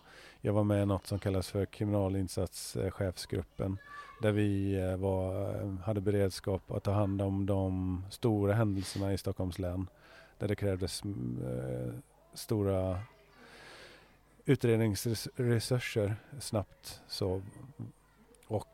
Men innan dess så tyckte jag väldigt eh, mycket om att spana och innan dess tyckte jag väldigt mycket om att åka radiobil. Men inget, jag kan inte vara ute och köra polisbil längre till exempel. Det är för, min hjärna kommer att, kommer klara det i en minut kanske. För det är väldigt stressfullt ute i, eh, i trafik och, och spana och, och sånt där. Det, det, det får jag förlika mig med att det är, lägga, mig, lägga det bakom mig helt enkelt. Men så, vad är det även stress? Vi, vi säger att du skulle sitta, om du sitter mitt emot, om jag hade varit en person väldigt stressig så här och, Mm. och ryckig och jobbig och, eller jobb, ja, eh, Mm. sådär. Det, Ja. det, det gör också? Ja, det är absolut precis. Mm. Okej. Ehm, lugna människor är, eh, klarar jag av längre som tur är i det här fallet. än, eh, än eh, människor som är mer stressade eller eh, på, ivriga. Och Ja, Okej, sådär. men för jag har ju verkligen den biten i mig också. Ja. Men, men, men eh, ja. eh, nu sitter vi här och dricker en bärs och bara avslappnade så att det Mm. går, går bra. Ja. Men, men, eh, men vad, vad, vad sorgligt eh, känner jag för din skull att, att inte kunna få göra det du tycker är kul. Men finns det någon plan att du, att du går att förbättra på det här på något sätt så att du ska kunna åka radiobil i alla fall tre minuter i framtiden? Eller? Nej, jag kommer inte åka någon med radiobil. Det är finito.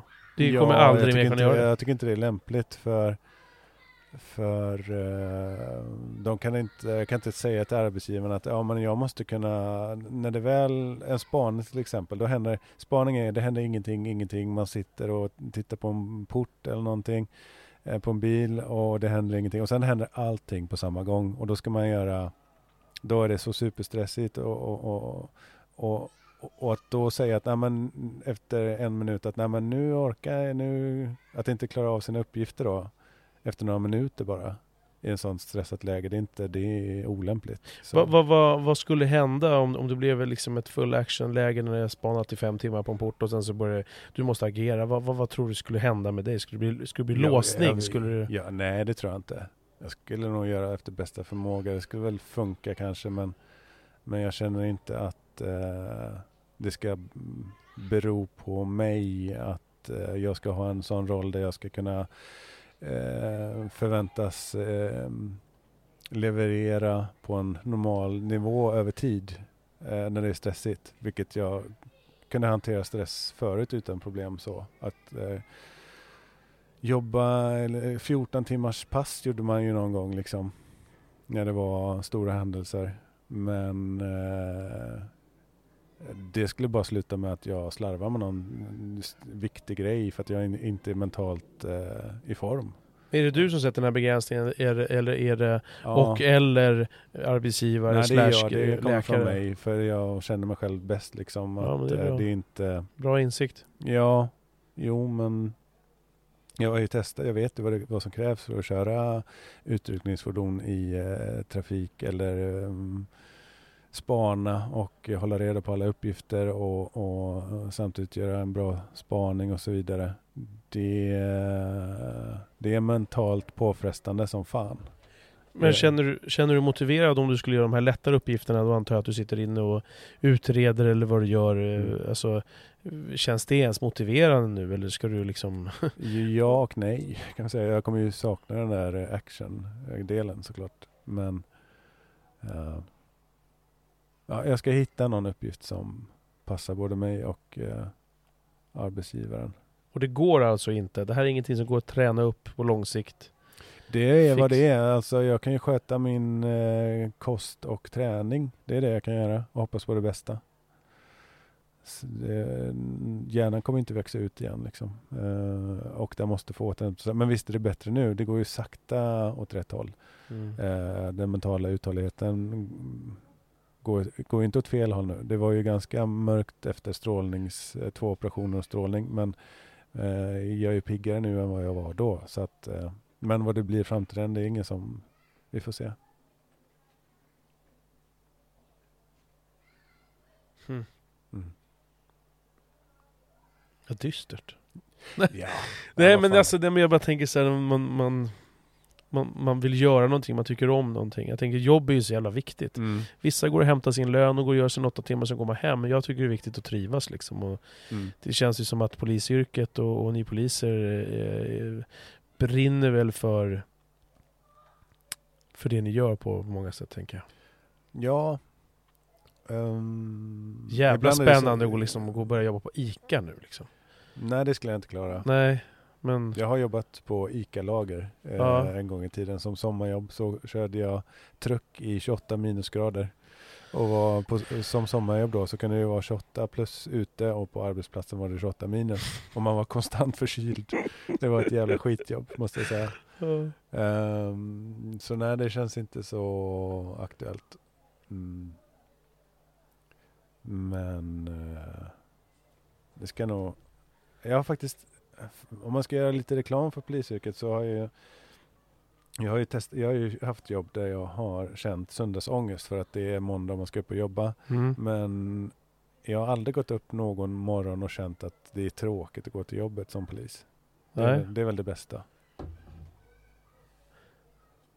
Ja, det känns som att det, det säger liksom 99 av 100, eller Mm. 100 av 100. Mm. Och jag tänker på det, det som på förhand tror jag att man hört andra poliser säga och sen så också framförallt så är det bara tänk.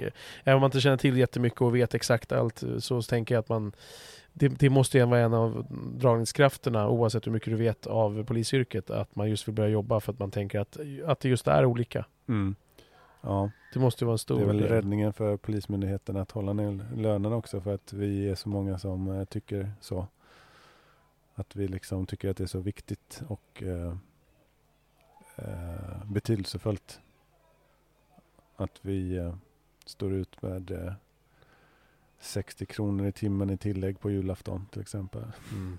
Och sådana saker.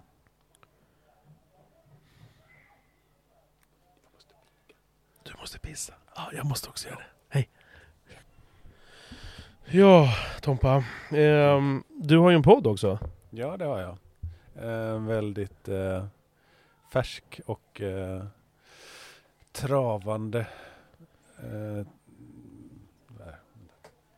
ja, det har jag. Eh, den heter UFO bortom rimligt tvivel. Mm. Eh, och det kommer ju sig av att jag eh, råkade snubbla på UFO-ämnet. Jag har aldrig tagit det på allvar förrän för två år sedan då jag eh, snubblade på ett vittnesmål från en pilot på Joe Rogan podcast faktiskt. Där jag helt plötsligt fick för mig att ah, men nu ska jag lägga bort mina förutfattade meningar för jag visste att jag hade lagt bort det här med att ta UFO-ämnet seriöst. Det har aldrig slagit mig liksom. Ehm, jag, vet, jag kan inte veta varför så tanken slog mig att ah, okej, nu finns det seriösa uppgifter här. Så varför har jag inte tagit det här på allvar innan? Skitsamma, jag lägger bort mina förutfattade meningar och lyssnar på vad den här personen säger. Och sen så förstod jag att, vad fan, det här är ju för fan på allvar. Det här är ju stabila vittnesuppgifter och massa datauppgifter, radaruppgifter som det går inte att blunda för att man bör ta det på allvar. Om man, som jag då, tänker utifrån en... Eh, jag har ju utrett eh, seriösa brott, liksom rån, våldtäkter, mord, spaningsmord. Eh, så jag har hållit, ett, jag vet inte hur många tusen förhör jag har hållit, men det är, det är x antal tusen förhör. Um, och jag känner väl att jag har grepp om det där med jag har läst lite, sen när jag varit sjukskriven så har jag läst lite filosofi och idéhistoria och eh, ett tag så var jag inne på att jag skulle göra en kurs på Polishögskolan om eh, politisk och religiös extremism. För jag hade snöat in på, jag läste väldigt mycket om religionskritik till exempel och eh, politisk eh, ideologi och sånt. Snöade in på i flera år. Um, så det där med uh, teoretisk filosofi tycker jag är väldigt intressant i kombination med då vara kriminalinspektör och jobba med utredning av grova brott och kunna bedöma vittnesmål och bevisvärdering som är så viktigt när det gäller sånt här. Um, men jag hade stoppat UFO-frågan i samma fack som 9-11 och sådana där konspirationer. Eh, men helt plötsligt så om man tittar så ser man ju att de här vittnesmålen är ju jävligt stabila.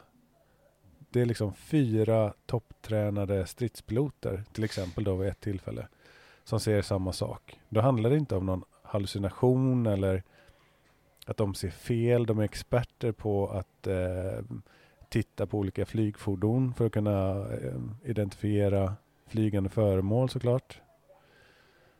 Så deras tillförlitlighet och trovärdighet, det är så man bedömer vittnesmål i en rättegång. Titta på trovärdighet och tillförlitlighet och den slår i bott, alltså i toppen Ja, men hur, hur, vad, Så- hur bedöm... Som, Mm. kan du rent... Ja, trovärdighet är som det låter.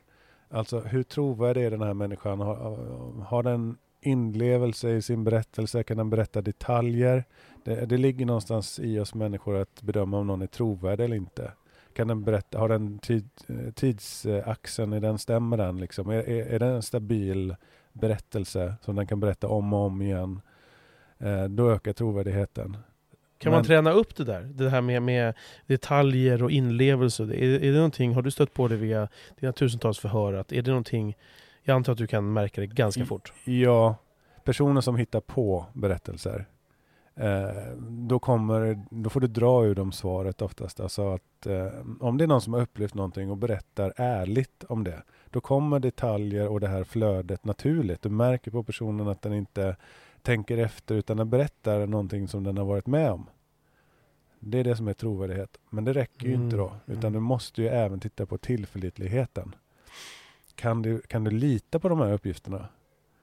Det är jätteviktigt inom eh, juridiken, alltså inom, eh, för en domstol vid en huvudförhandling att om ett vittne är tillförlitligt såklart. Om det handlar om någonting den har sett, hur bra syn har personen såklart, till exempel. Om den berättar då som i det här fallet om flygande föremål, vad har den för utbildning och erfarenhet av det den berättar om? Ja, okej, det här är en Top Gun stridspilot som berättar om ett, eh, en flygande farkost. Den, dessutom så lär den väl testas och ha rätt bra koll på sina toppstridspiloter på hur, eh, i vilken eh, mental kapacitet och förmåga och kognition de har. Jag tror inte det finns några människor som har liksom bättre koll på sin, vad de ligger på för nivå än stridspiloter. Så därför så med deras erfarenhet och utbildning så sticker även tillförlitligheten upp i deras vittnesmål något enormt. Så därför så kan man enligt den straffrättsliga modellen lita på de här vittnesmålen. Speciellt i det fallet som jag tänker på nu då, Nimitz-incidenten 2004. Där det är fyra stycken då, samtidigt som säger samma sak. Och det stöds av massor av andra vittnesmål och radaruppgifter. Är de helt oberoende av varandra de här fyra? Eller är de kollegor? Alltså, för att säga att de är helt oberoende så ska de då sära på dem direkt efter de har sett någonting och sätta dem i varsitt mörkt rum Mm. och så sen ska de Mm, berätta. Då kan du säga att de är helt oberoende av Ja, varandra men så mm. funkar det inte i verkligheten. Men de, ja, de berättar ju samma sak. Det finns ingen anledning om du testar, om du granskar de här piloternas vittnesmål. Eh, det finns inga, inga argument för att misstro dem när de eh, pratar om de här föremålen. Därför så hade det varit en mordrättegång så hade det här fallet med de här fyra räckt till att konstatera att det faktiskt var som det var då. Det hade varit eh, grund för en fällande dom bortom rimligt tvivel. Sen så kan man då, om du ska applicera den vetenskapliga modellen så blir det problematiskt för jag tycker den straffrättsliga är mycket bättre eftersom den eh, det är den bästa metoden vi har för att bedöma vittnesmål. Vetenskapen, den vill ha repeterbara experiment i ett labb för att bevisa för alla ska kunna göra det experimentet och få samma resultat. Det är inte applicerbart i, i vittnesuppgifter från en UFO-händelse. Så den modellen funkar inte. Um, och um, Så den bästa modellen är den straffrättsliga och se till vittnesmålens, hur- för att värdera bevisen här. Vittnesmål med stödbevisning. Så det är därför jag tar helt plötsligt det där ämnet på allvar. Jag skulle inte gjort det annars. Om det inte... Och jag tror det är samma om, man bara inser att Pentagon och eh, hela både alltså kongressen i USA, pol, eh, politikerna i USA tar nu detta på största, största allvar igen. Det har hänt förut, men nu är det som aldrig förr. Um, det finns en grund för det. Det handlar inte om mätfel. Det är liksom bortom möjligheten för att det ska handla om mätfel eller solkatter eller eh, andra typer av misstag. Då hade man rätt ut det och man har försökt reda ut det och, eh, och det står sig liksom. Det är därför de tar det på allvar. Det låter konstigt, det är svårt att ta till sig det där, för det var det för mig med. Men eh, Ehm, uppgifterna är så stabila så att det går inte att... Ehm, det finns många liksom tankevurper, att, många gropar att falla i. Det, det, man ser till att det finns massa science fiction på ämnet. Det, det är svårt då att reda ut att, att um, farkoster som inte har vingar och propellrar och sånt kan flyga ändå. Det låter som science fiction och så blir det lite svårt att tänka. Um. Ja, för det här handlar inte om vad jag förstår när jag lyssnar på men, dina två avsnitt där. Mm. Uh, det är en podd som du har tillsammans med en kille som heter Peder va? Peder Neogard ja. Mm. Uh, att det är liksom inte alien-gubbar vi pratar om, så, som, som vi pratar om, utan som det är populärkulturen liksom. Utan det är... Nej, det är... Först får man kolla och konstatera då att uh, bevisningen om att det faktiskt är farkoster som inte liknar någon känd flygteknik överhuvudtaget. Det finns ingen anledning att tro att det är amerikansk eller Kina eh, eller Ryssland längre. Den här tekniken är så um, helt skild från all känd flygteknik vi har.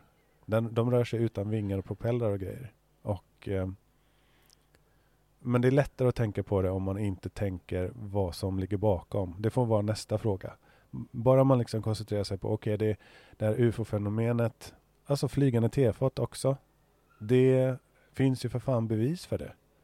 Men, men spring inte iväg med tanken och tänk att, okej, okay, är marsmänniskorna här eller så, något sånt där, för då blir det för svårt. Utan det är nästa steg, vad som ligger bakom, det vet vi inte. Det finns, inga, det finns ingen stabil bevisning om vad det är, skulle jag påstå. Eller det gör det inte, som jag har sett. Utan första frågan är UFO-fenomenet, är det, är det bevisat bortom rimligt tvivel? Och svaret är ett otvetydigt ja. ja men, och, och, det säger ni i första avsnittet. Jag hann inte riktigt lyssna klart på det, mm. tror jag, tror jag hade en liten stund kvar. Men jag lyssnade först på tvåan, för var, du sa att jag skulle lyssna på avsnitt två, och det mm. gjorde jag. Och sen så tänkte jag, ja, men jag, jag lyssnar på första också. Och, mm. och då säger ni vid något tillfälle där att eh, ja, men om man bara börjar med att acceptera att det liksom att det är, att det är så här. Mm. Mm. Vet du vilken sekvens jag menar? Jag, mm. att, att, liksom acceptera att det faktiskt finns något. Ja, men då, för att jag ska kunna acceptera att det finns så behöver jag kunna se det. Liksom. Med egna ögon? Ja. Ja. ja det, det, jag det måste ju det. det. Det är väl annars som, här, som du säger att ja, men du tror inte på Gud. Jag menar, du kommer inte tro på honom förrän han kommer ner här. Nej, bara, du. men jag kan ta ett annat exempel då. Um, har du varit i Zimbabwe? Nej. Nej. Litar du på att Zimbabwe finns? Att det är ett land som finns på riktigt som du kan åka till och ta på? Ja, ja. ja, ja. Så vi, vi tar ju till oss fakta, jo, men jag tänker det inte tar i. Där har vi ju bara som så enkelhet, vi har ju vykort, det står mm. Zimbabwe på, och vi har människor som, de här kommer härifrån. Ja. Alltså det, jag det fattar, blir mer, det blir enklare. Jag men, förstår vad du säger, men, men det, ja. Principen är att du behöver inte tro, du behöver inte ta på allting du tror på, eller hur? Vi, du tror ju på att atomer bygger det här bordet framför oss, men du har ju inte sett en enskild atom någon gång, du kommer aldrig göra det med egna ögon. För de är för små för dig att uppfatta. Så eh, det handlar helt enkelt om vad du har goda skäl att hålla för sant. Fast 8 av 10 vet väl inte knappt ens om att det är atomer som gör det här bordet? Ja, tror du inte? Nej men... Eh, jag, jag, tänker att det här, det här är för stort för att liksom gemene man...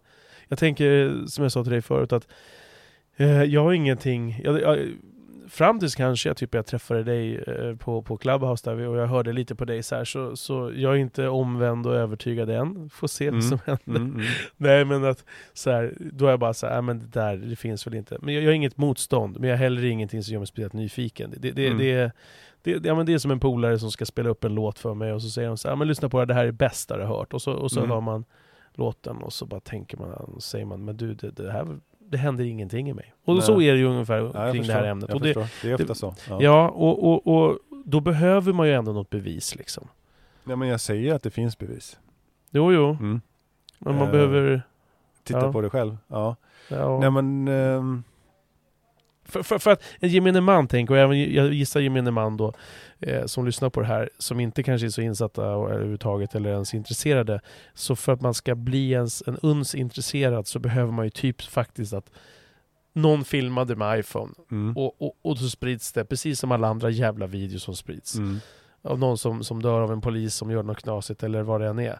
Så, så, så behövs det bli allmänt känt liksom, för Mm. att det är någonting som man ska ta till sig. Mm. För att så som jag lilla jag har fått beskrivet hittills eh, av dig och, och, och, och, och, det lilla jag har kollat upp innan du ska komma hit, så, så, så det, det är för... eh, jag tror att det är för, för, för, för, för djupt på något sätt för att man bara ska ta Ja. till sig det. Ja, det är, det är inte lätt att säga att du ska bara ta till dig det. Det, det går inte utan ehm, ja, men det, det är nog bara på grund av det att jag applicerade metoden för bevisvärdering. När jag säger bevis så pratar jag i straffrättsliga termer. Där, där även vittnesmål är bevis. Jag menar, vi låser in människor på livstidsfängelse där eh, vittnesuppgifter är de helt avgörande i många fall. Helt avgörande. Så vi Mm. har en Mm. metod för vittnesuppgifter. Vittnen är som de är. Ibland går de inte att lita på, ibland ser de fel, ibland ljuger de och så vidare. Men det finns en metod för att komma fram till hur mycket man kan lita på och faktiskt komma bortom rimligt tvivel baserat på vittnesuppgifter. Om jag applicerar den på det här fallet jag pratar om, tjatar om, så är det bortom rimligt tvivel. Därför så, så det finns så många människor av olika sorter och eh, yrken. Eh, militärer, poliser, eh, höga militärer. Du har en belgisk major från flygvapnet. Du har en, en, Robert Salla som var chef för eh, en kärnvapenbestyckad missilbas i Montana som eh, i decennier har vittnat om att ett UFO kom och stängde ner tio stycken eh, missilbaser.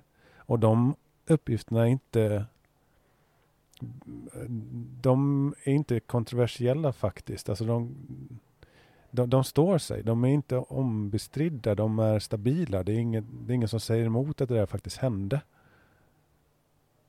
Men Men måste det- inte fler, istället för singular så plural, liksom, att det behövs många för att vi ska... Ja. Eh, världens Det- mest kända främsta UFO-forskare Jacques Vallée, född i Frankrike, numera bor i USA. Ehm, han är en auktoritet på det här ämnet och han säger att det finns ju miljontals UFO-sightings eh, som är värda namnet. Även om du skär bort dumskallarna och eh, strålhattarna så har du fortfarande tillräckligt mycket kvar. Eh, alltså du har, om du skär bort alla misstag och så vidare så har du ändå en stor grupp, 200 000 stabila UFO-observationer. 3 till 5 000 där det även finns fysisk bevisning. Och ett par fall där det, bevisningen är extremt bra. Um, titta på dem. Glöm det här med strålhattar och grejer. Um, men jag förstår att det är en fördel att ha jobbat med bevisvärdering. Uh, för att kunna avgöra om man kan lita på komma fram till en slutsats. Ja, men det här vittnesmålet går att lita på. Det är inte så lätt att komma fram till det. Ja, För då, då måste det vara jättesvårjobbat. Ja. För dig och, och, och för dem som... För, för ni, ni, ni finns ju också en, en, eh, en, eh, en grupp, Svenska UFO-klubben. Mm. På Clubhouse, ja. Eh, det är... eh, Jaha, men jag trodde det var... Jaha, det är på Clubhouse? Ja. Jag trodde det var liksom en, en organisation. Nej, Nej. okej. ja, ja, ja. UFO Sverige tänker du på? ja, det kanske är Mm. för Sverige. Ja, för jag för- hörde bara nämna någonting. Ja. Riksorganisationen UFO Sverige. Jag är passiv medlem och har intervjuat eh, Mr UFO Sverige, om man säger så, Claes Svan i nästa avsnitt av eh, UFO bortom rimligt tvivel Um, ja, de finns och de är jätteduktiga på att utreda ifall någon har sett eh, fel, ifall de har sett ett eh, stjärnfall. Det är inte så vanligt, men planeter som står i konstiga ställen och så vidare ser folk fel på ibland. Så enkelt kan det vara också. Um, och olika typer av ljusfenomen, bolider, alltså asteroider eller kometer och så vidare. Kan ju folk eh, uppfatta som ufon. Men då är det så här med siffrorna att ungefär eh, kanske något fall per år i Sverige står sig. Och då, då är de ganska hårda och räknar inte enskilda vittnesmål ibland och sånt där. Men eh, generellt sett över tid, över hela världen, så finns det väldigt många bra vittnesmål. Det, det kan vara svårt att lita på utan att kolla upp det, förstår jag. Men Eh, det är också så att ungefär bara 10% sägs rapporteras. Att om du ser någonting som eh, åker omkring på himlen som inte alls verkar likna satelliter eller eh, flygplan, helikoptrar, så är det inte så många som rapporterar ens. Faktiskt. Så det är den, den stora majoriteten rapporteras inte ens och av de som rapporteras så är det kanske bara eh, kanske bara 1 till 5 procent i Sverige som står sig. 10 procent brukar man säga i USA. Eller, ja. Varför är procentsatsen högre i USA? Ja. Kanske för att de är mer generösa med deras bedömningar. Eller någonting. Det är svårt att säga. Jag tror att UFO Sverige och eh, MUFON i eh, USA kanske gör olika bedömningar. Kan vara så. Men jag tänker så även om man skulle djupdyka det här eh, och bli intresserad och nyfiken. Eh, vad, varför ska man göra det? Alltså jag tänker, varför vill ni att, att man ska göra det? Varför vill du att man ska göra det? Är, är det något, liksom, kan det vara något hot för oss? Kan det vara någon... Mm, troligen inte. Det verkar inte så. Det verkar inte så att det är något hot. Eh, nej, det är bara um, det största som har hänt ifall det är som det verkar enligt mig då att uh, det flyger omkring farkoster som är helt överlägsna våra kända stridsflygplan och det finns ingen anledning att tro att det är eh, gjort av den teknik som, som är cutting edge just nu. Inte ens den räcker till för att förklara alls det här de här fordonen utan vingar och rotorblad och utblås och så vidare. Så vad fan är det då? Det, är det, alltså det måste ju vara något. Alla svar är fantastiska. Vilket svaret än är så måste det vara ett fantastiskt svar. Det står klart. Det här är ju, det här är ju, du sa det att du inte är ateist. Det här är ju, det finns ju något religiöst över det här. Ja, det är många som säger så. Men eh, jag är ju... Eh, jag har ju kommit till den här slutsatsen på helt rationella grunder. Så, och, och religion är inte det. det är nej, men samtidigt så, sam, nej men samtidigt så jämför man till exempel eh, fotboll och religion. Mm. Alltså, religion ja. Eller fotboll är en typ av religion. Liksom, att det, det finns mycket likheter mellan, inte utövandet mm. av fotboll utan att följa fotboll. Mm. Att vara supporter och så vidare. Att det, liksom är, det, det är ett eh, det är ju nästan intill slaveri liksom. Mm. Jo visst kan man dra paralleller, det är klart man kan. Men om man ska sträcka på religions och gudsbegreppet så mycket som det görs nu för tiden så kan du ju kalla allting för Gud och religion och hit och dit. Så um, ja, eh, jag förstår att om man inte är intresserad att det, att det verkar som en religion. Men uh, jag tittar då på Eh, Pentagon och hur de tar denna frågan på, på allvar, alltså blodigt allvar. Eh, så förstår man kanske att det inte handlar om tro utan man söker fakta och kunskap. Det är det det baseras på, rationell, rationalitet. Och där kommer jag ändå tillbaka till det här, eh, jag ska inte tjata något mer om det, men just bara att, att ja men då behöver man ju sätta sig in i det och då behöver man ju ha det där, oj, Hallå? Eh, så, eh, råkar lagga lite. Eh, då behöver man ändå ha det där grundintresset. Mm.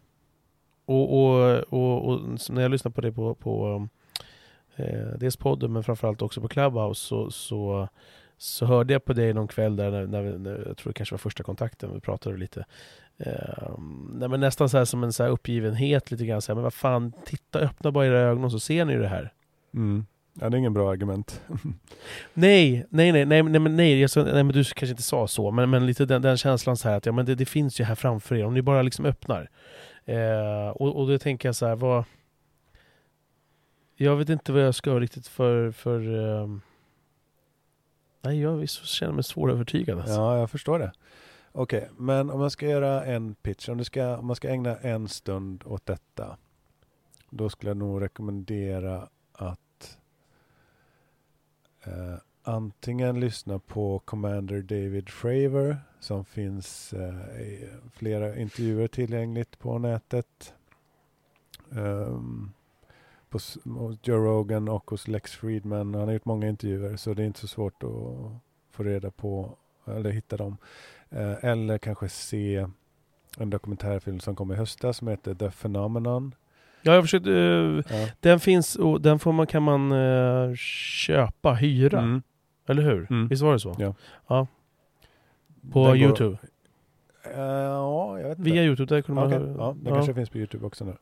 Om man vill se, James Fox heter han som har gjort The, Phenomenon och han är inte någon, någon eh, foliehatt eller religiös kille utan han har samma genuina intresse som jag bottnar i. Alltså rationellt tänkande. Det är det han bottnar i också. Han är trovärdig. Det finns namn man ska akta sig för i ufologin. Och det är eh, Stephen Greer till exempel är det största namnet som jag avråder från. Dyk inte ner i hans eh, dokumentärfilmer som heter Unacknowledged som finns på Netflix eller fanns på Netflix. Varför då? Eh, därför att han eh, drivs av pengar ganska uppenbart. Han, inte, han är, verkar vara beredd att lura folk Eh, för att tjäna pengar. Han kommer med dåliga uppgifter nu för tiden och sånt där. Så att det, det, det är viktigt med källgranskningen på detta ämnet såklart. Men eh, det konstiga är att de flesta uppgifter som liksom står sig över tid, de är faktiskt att lita på på det här ämnet. Det är det som, är, som man kommer fram till. Att um, okej, okay, det var en kärnvapenbas i Montana på eh, 60-talet som stängdes ner av ett UFO. Det är inte ens omstritt. Det är liksom stabila uppgifter fortfarande. Till exempel. Men på Youtube om man vill gå dit så finns James Fox tidigare dokumentärer som heter uh, I know what I saw och Out of the Blue. Ser man någon av dem, det räcker att se någon av dem. Uh, och kolla upp varenda uppgift om du känner för det. Det har jag gjort. Jag har uh, granskat nästan allt i de där filmerna på egen hand och uh, kommit fram till att de står sig. Och vad, vad är det som driver då? Förutom det här med att du via ditt jobb så, så sa du att du kan utröna liksom om det är korrekta vittnesmål Mm. och så vidare. Men vad är det mer som driver då? Var, varför, varför eh, jag, jag tänker så här, men varför inte bara säga, äh, men okej, vi, ja, visst du ser ju vissa bevis men du ser inte tillräckligt. Du, du, du, du, du har drivet att fortsätta gräva liksom. Mm. Du, vad? Vad är det som driver? Nyfikenheten bara eller? Mm. Nej men det är ju som sagt var, oavsett vad svaret på ufo-gåtan är så är det någonting helt fantastiskt som inte media verkar bry sig om. Det, det kan, finns bara fantastiska svar. Men hur vet du det? Jo, för att det, det, är inte, det finns ingen mänsklig eh, teknik som fungerar på det viset. Mhm. Det finns ingenting som inte är fantastiskt. Om det skulle då Mm. vara människor så skulle det alltså då vara någon hemlig Krösus Sork eller hemlig eh, Elon Musk som har en någon slags bas med massa hemlig Ja, teknik. ja men då, då alla svaren är fantastiska. Mm, mm, mm. Om det inte bara visar sig att det blir som, en, som i Mars Attacks. Filmer, Eh, kommer du ihåg den? Ja, jo, jag Ja, vet då vad du menar. ja, Men, kommer anfall i jorden. Ja men alla Ja. svaren är fantastiska faktiskt. Ja. Det, det, det är det som är. Ehm, det handlar inte om, om Kina, Ryssland eller USA. Så vad fan är det då? Men, men hur, hur mycket drivs... ehm,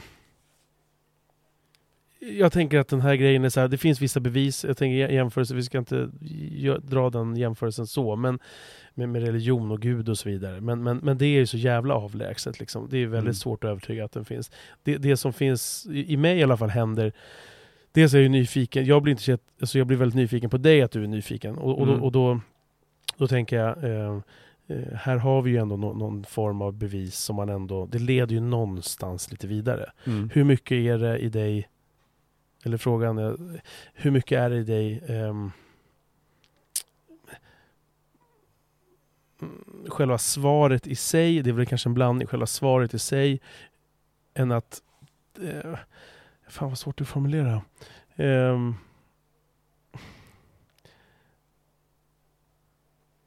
dels att, att, att det finns en liten chans att du får ett svar för att du har någon typ av bevis. Så menar, som, som frågan om det finns Gud liksom och så vidare. Där har vi ju liksom inga bevis. så. Nej, noll. Nej, noll bevis. Mm. Men vi, här har vi lite bevis. Hur Mm. mycket drivs det att du verkligen vill veta svaret kontra att eh, att du är inom citationstecken lite nära Fatt, alltså, Förstår du frågan? Jag har svårt att formulera det här nu Thomas. Ja. Eh, det måste ju ändå vara extra kittlande. Eh, Ja. att, att du, du har ju lite, alltså du, är du full-blown övertygad? Fullblom övertygad. Eh, I princip ja. Eh, Ja. Mm. Mm. Jo, nej men ehm, ja, ja. Är det lika verkligt som den här otroliga provocerande goda grilllukten som jag känner här nu? Så vi, vi ska grilla sen efteråt, jag är så hungrig så jag dör. Eh, alltså är det, är, det, är, det, är, det lika, är det lika närvarande som den här goda grilllukten? Ja, det, Hos dig, i dig? ja, det är det. För jag förstår inte. Bevisen, uppgifterna finns ju tillgängliga för alla. Det är bara att titta ordentligt och eh, göra en rationell bedömning så, så, måste, så tycker jag att alla borde komma fram till samma slutsatser som jag. Att det här är på riktigt.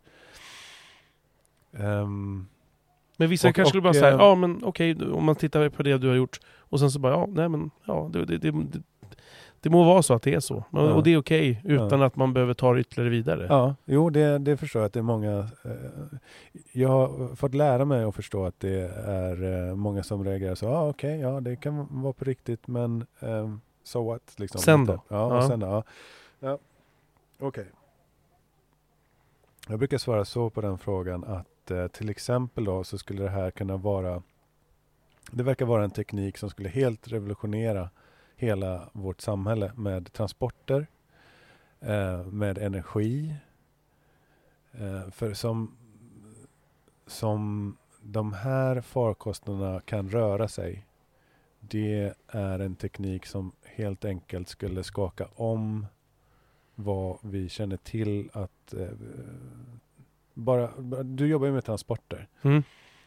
Tänk om eh, man kunde trolla och så, så bara hittar vi på en transport som kan eh, häva gravitationen och eh, spara massa bränsle, eh, gå tusentals gånger fortare eller eh, ögonblickligen till exempel. Om, om man skulle kunna transportera allting som behöver transporteras i världen eh, på ett helt nytt och överlägset sätt ehm, så skulle det revolutionera en del av samhället. Om vi säger att det finns någon teknik som skulle revolutionera energin, eh, eh tillgången och eh, hela gamla olje, oljeekonomin. Att vi helt plötsligt kan stryka streck över olja till exempel. Om det finns någon, nu säger jag bara om, om det finns någon sån teknik så skulle det eh, skaka om hela vår ekonomi som är baserad på olje, gamla oljeindustrin till exempel. Ehm, vi skulle kunna kanske transportera utan att eh, förorena vår, eh, vårt klimat. Vi kanske skulle minska utsläppen eh, till noll med den tekniken. Ehm, det finns så många argument för varför det är intressant, tycker jag. Har vi besök från en annan värld? Finns det någon större fråga i mänsklighetens historia än det? Jag Och vad säger du om jag säger då så här, men om, om de, vi skulle ha besök, skulle de inte göra sig hörda då? Nja, nej, jag, jag köper inte det. Vad är det som säger att de ska göra det just under min korta livstid? De kanske har gjort det Ja, det för. Ja. tusentals år sedan med en annan högtstående Mm. eh, civilisation. Men att de ska göra det just under mina eh, år verkar lite mycket begärt. De kanske har gjort det flera, flera gånger. Det vet vi inte. Alltså det, det är bara en dålig teori. Varför skulle de? Kan jag vända på frågan. Varför skulle de bry sig om oss om vi är dumma apor och de är tusen gånger mer avancerade. De har, vi säger 200 000 års försprång och eh, i teknik och, och så vidare. Varför ska de bry sig om vad vi, att vi känner till dem? Varför? I de här farkosterna, om man nu inte pratar om att det är aliens, Mm. i de här farkosterna, vad skulle du... Vad är det i dem liksom? Eller alltså, det är den stora men, frågan. ja. ja. men, men vad, vad, vad tänker man att det är? Vad gör farkosterna om den inte liksom, eh, enligt vad vi bedömer som individer, Mm. eh, färdas individer i den liksom? ja, det vet det fan. Samlar information. Kan man tänka sig. Ehm, resurser. ehm, studera. ehm, turist kanske. Mm. Det kanske är trollande turister som bara åker omkring och tycker det är kul att trolla oss och skoja med oss. Alltså, det, det är nästa fråga som sagt. Jag, jag, den frågan, jag föredrar att släppa den men det är den intressanta sen då. Efter man har konstaterat som jag att det är på riktigt så måste man ju fråga sig vad fan är det för någonting? Ja, vad, vad... Och då, då finns det ju olika teorier eh, såklart. Eh, förutom att det ska handla om eh, varelser från andra planeter eller galaxer så finns det teorier om att det handlar om psykologiska fenomen. Vilket jag får lite svårt att det ska rimma med att det faktiskt är fysiska farkoster. För vi vet att det handlar om fysiska föremål, fysiska farkoster som ger avtryck i marken, som syns på radar, som inte kan vara något annat än fysiskt. Om det då är fysiskt så har jag svårt att se att det kan vara en psykologisk eh, förklaring. Men det finns de som hävdar det. Det finns andra mer lösa teorier som inte jag tror på men som vissa för fram att det handlar om någon okänd eh, livsform här på jorden som vi bara inte eh, stöter ihop med, som håller sig undan eller och så vidare. Det är en teori. Det finns teorier om att det är intelligenser från andra parallella universum, andra dimensioner. Men då tycker jag i alla fall att vi vet ingenting om existenser i andra dimensioner. Att, det, att, det, att de finns ens. Vi vet ju ingenting om det. Att de finns. Så jag tycker det är ologiskt. Men jag kan inte stryka ett streck över det. Vad finns det mer? Det finns en rad eh, till. Men eh, Ja, jag tror inte på dem så jag eh, lämnar dem därhän. Om vi tar det, det, det, lilla, jag tänker på som USA där. Eh, vad fan heter öknen där ute? Area 51 där. Mm. Var är den ligger någonstans? I eh, Nevada. Nevada, just mm. det. Vad, vad, vad, vet, vad vet man om det? Jag, jag har googlat lite, jag har kollat lite, mm. jag tycker det är lite spännande. Jag har sett några Youtube-videos mm. när några på en motorcykel uh, ut för, lite för nära och så kommer de liksom mm säkerhetsfolk och mm. bara sticka ifrån. Eh, vad fan vet man? Eh, ja, vi vet massor av grejer. Det är en militär bas där man har eh, testflyget till exempel SR-71 Blackbird och eh, F100... Va, vad är det? det? Eh, Blackbird är väl en, eh, en flygpärla. Det var ett spaningsplan som skapades på ja, den var väl klar på 60-70-talet flög den väl omkring utan att man visste att den fanns officiellt. Den gjorde väl Mach 3,2 tror jag, 3,2 gånger ljudets hastighet och eh, en enorm eh, räckvidd. Den flög på 80 000 fot plus eh, och var jänkarnas bästa spionplan. Eh, okänd, helt okänt i flera decennier. Den eh, flög man där och eh, F100 2017 Stealth Fighter, om du, om du kommer ihåg den, den här svarta Triangeln. svarta konstiga fighterplanet som var lite som, den hade vingar och så gick den upp som en cockpit, den var lite sån här spetsig. Ja, just det, just det. Ja. Ja. Den eh, flög omkring där hem, i all hemlighet ganska länge. Uh, fortfarande vanlig flygteknik, men de två till exempel är, är, är farkoster som men, har... Men vad gjorde vadå, de? De flög över Area 51? Ja, ja de, de uh, testflögs där.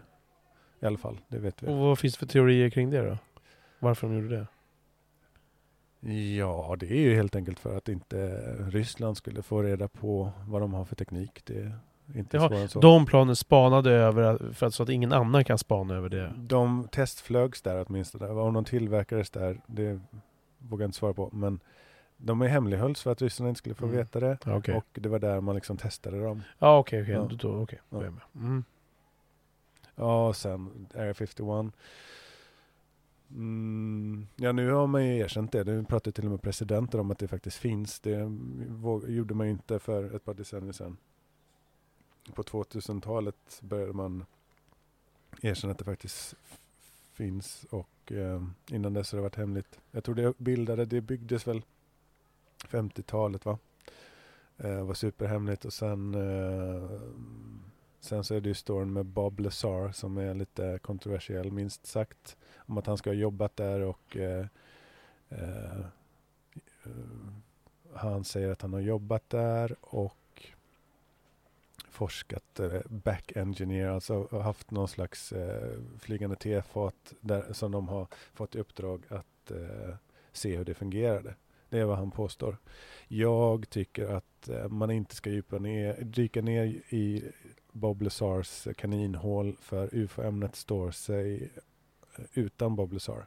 Man behöver inte gå till botten med Bob Lazar för att eh, ta UFO-ämnet på allvar. Det är snarare bara ett kaninhål som tillförlitligheten är för låg. Han har inte tillräckligt med eh, stödbevisning för vad han påstår helt enkelt. Därför så är hans uppgifter inte tillförlitliga, även om han är trovärdig faktiskt. Men du, jag, du sa också det här med, eftersom att du är polis, mm. och så nämnde du också det här med att amerikanska poliser inte jättesällan också är de som eh, motsvarande kollegor till dig i USA mm.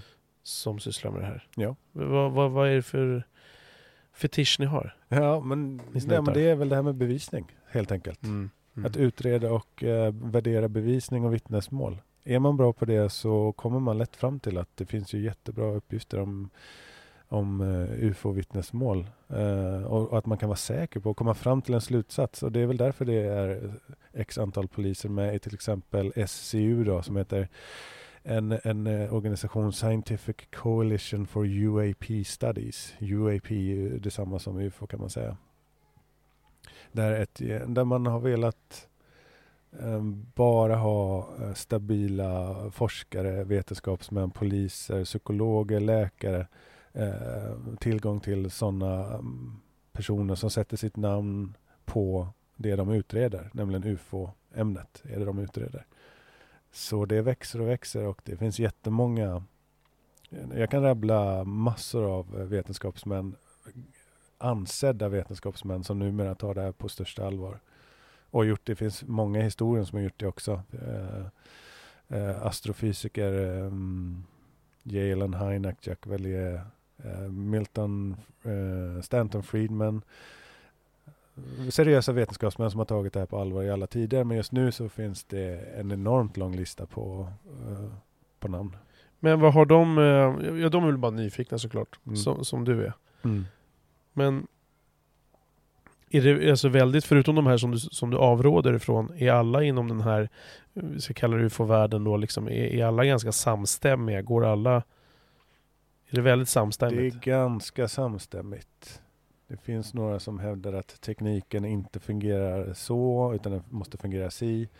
Men eh, man är nog överens på väldigt många punkter, speciellt att UFO-fenomenet handlar om far, exotiska farkoster som ingen eh, verkar veta hur fan de har kommit till. Det är de överens om i alla fall.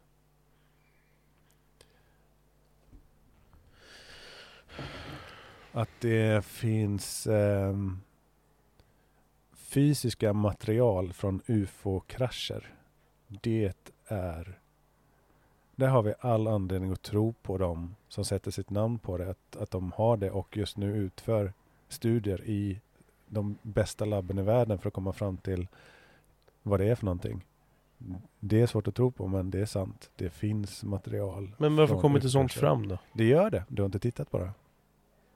Men jag tänker, om det vore så här, kolla här, här har vi eh, Här har vi, eh, vad det nu är, ett skepp eller någonting. Varför, varför får inte vi se det då? Eh, men svaret på det här med materialet. För men vi får ju se allt annat. Material, Eller ja, mycket annat. Eh, men kolla, om man kollar då på ett material och så kommer man fram till okej, okay, det här materialet är skapat på en eh, atomnivå rent. Som, vi vet inget labb som kan framställa det här materialet. Okej, okay, mm. vetenskapen kan komma fram till det. Men sen då? Vetenskapen kan inte dra några slutsatser från det. Den kan bara säga okej, okay, ingen vet hur det har tillverkats. Ja, ja, okay, det är allt. Ja. ja. Hur fan, vad ska du hoppa därifrån till att Nej. aliens är här? Det går inte. Du, mm. då, vetenskapen kan bara säga, okej, vi, vi har testat det här materialet som är på atomnivå rent, som, vi, som är helt onormalt strukturerat på atomnivå. Mm. Och vi vet inte hur det här har tillverkats. Stopp, det är stopp där liksom. Att hoppa därifrån till, till någonting mer går ju inte med vetenskapliga metoden i alla fall. Men det, de finns. För det, jag kan aldrig sluta komma tillbaka till det där. Det, det är ju de där, det, är det där man vill se. Mm. Ja, jag För kan att- visa dig en presentation med Mm. en eh, känd eh, eh, fysiker som presenterar det materialet. Men eh, jag tror inte det kommer hjälpa dig. Jag tror inte du kommer att tycka att jaha, där står han. Men det verkar, eh, då, då är det normalt, men varför är inte det här på nyheterna hela tiden om att eh, det här materialet faktiskt finns? Eh, Mm. ja. Varför är inte det? För att eh, det är svårt att ta in för både journalister och vetenskapsmän och akademiker. Det är svårt att ta det på allvar. Eller? Fa- Är, det inte det? Nej men, men alltså, och jag, jag vill verkligen jag, jag, känner att jag ibland sitter och, och, och, och ler mot det och jag gör inte det. Jag är verkligen liksom så här, all respekt för, för, för vad du tror på, verkligen. Även om det är, det, ja, det är lite svårt att ta in, men, men, och jag känner inget motstånd. Det är ungefär som att ta det här jävla vaccinet just nu. Det, det är så här, jag har inget motstånd att göra det, men lika, jag kan lika bra göra det som jag kan skita i det. Mm. Eh, och det är samma känsla här.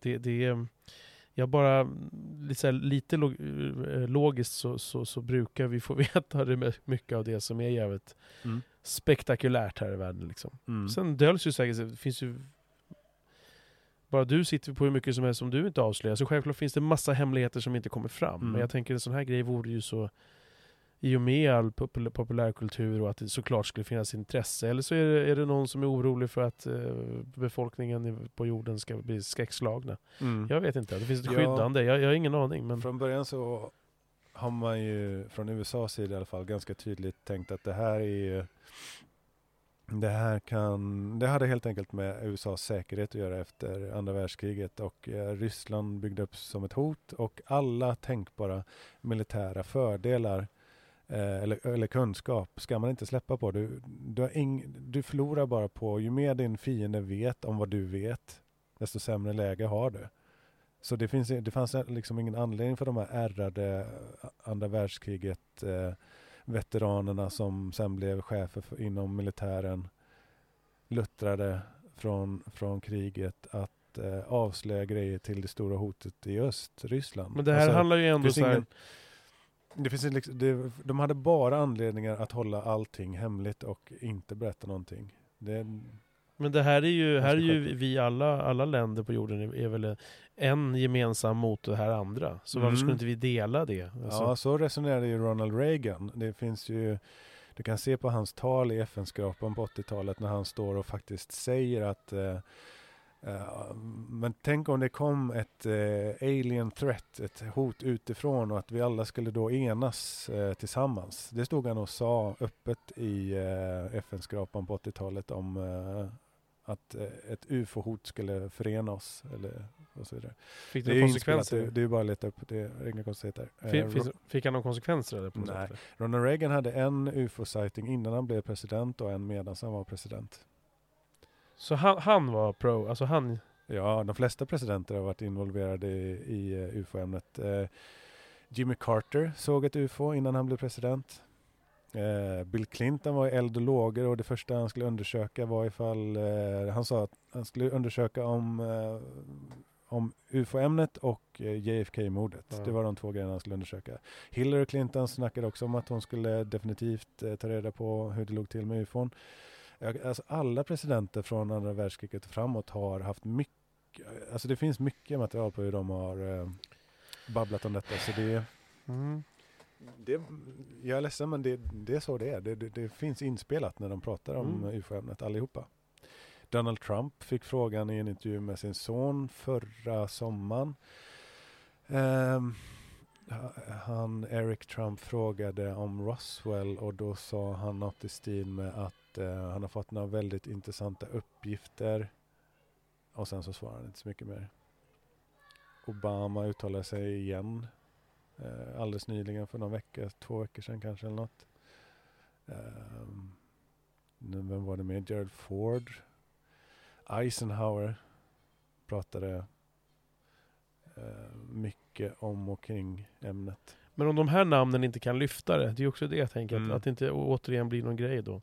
Mm. Om inte alla de här namn, stora namnen ändå kan få det att lyfta det. det, det uh, ja. Min liksom konspiratoriska hjärna blir antingen så är det någon som vill trycka ner skiten och därför så, så trots att de här stora männen och kvinnorna pratar om det så blir det ingenting. Eller så, så, så, Mm. så säger de de här sakerna ja, det är väl en ganska liten del tänker jag som de skulle vinna röster eller likes på och säga sådana saker. Så det, det känns också konstigt varför de skulle säga sånt för det. Ja, Det känns men- snarare som att de kommer få en massa folk emot sig om de, de Ja, jag vet inte, inte USA tror jag inte. Eftersom både Bill och Hillary gick ut innan de blev presidenter och, och, och sa att de skulle engagera sig i ämnet så verkar det ju som att man gör bedömningen att man inte förlorar på det. Tydligen. Men ja.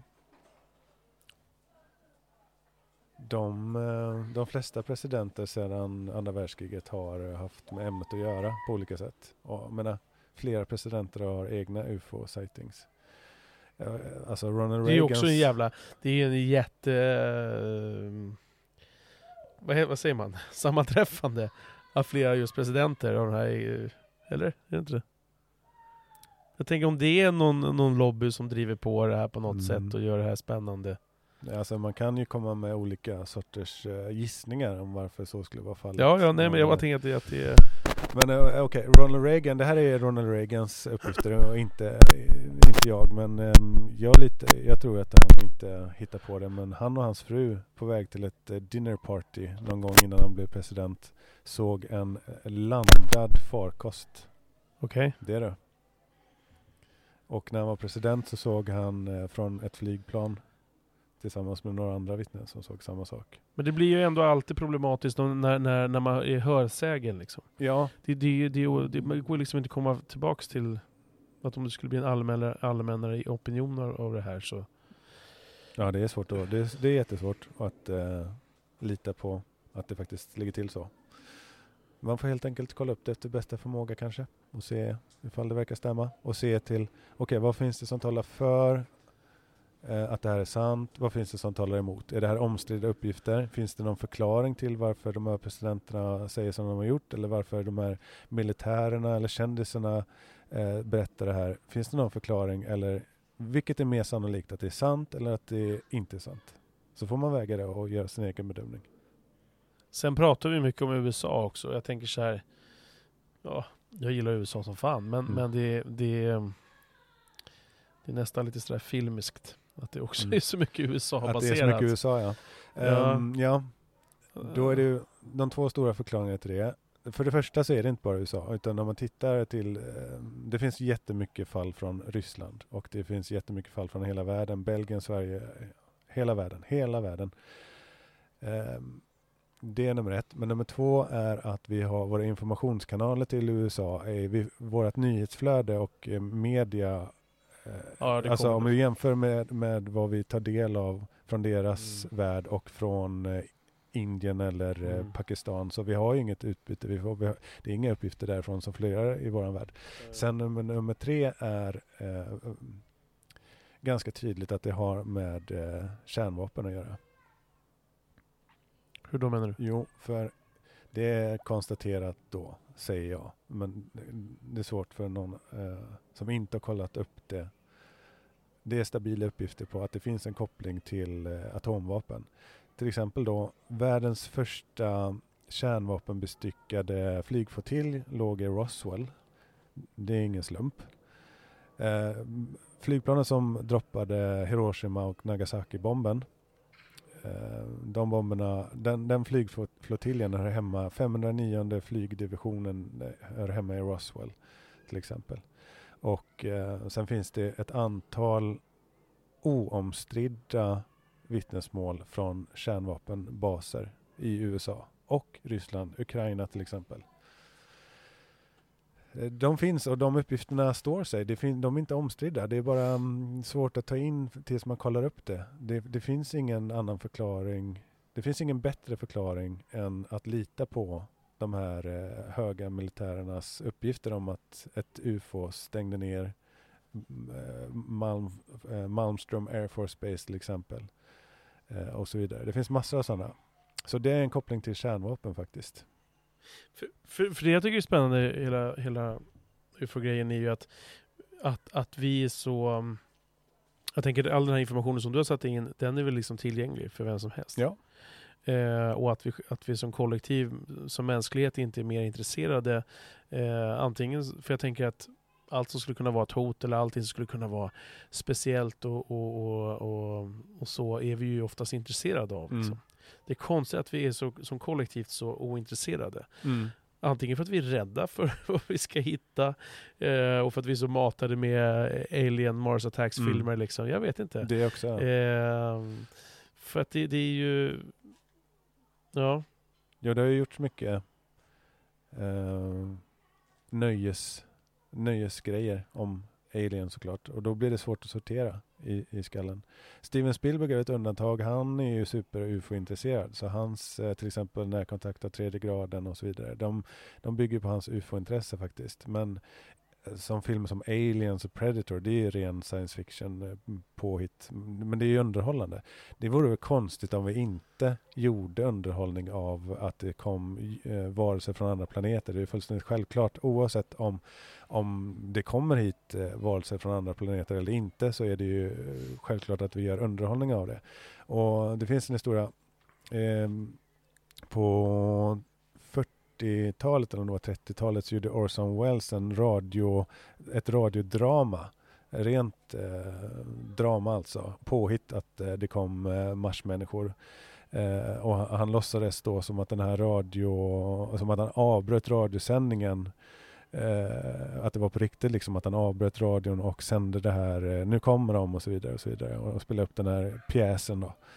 Eh, det, blev, det var några trafikincidenter och sånt som till följd av det där, men ingen dog. Men 1949 tror jag det var, så spelade man upp den i, om det var Bolivia eller Peru eller i Sydamerika i alla fall.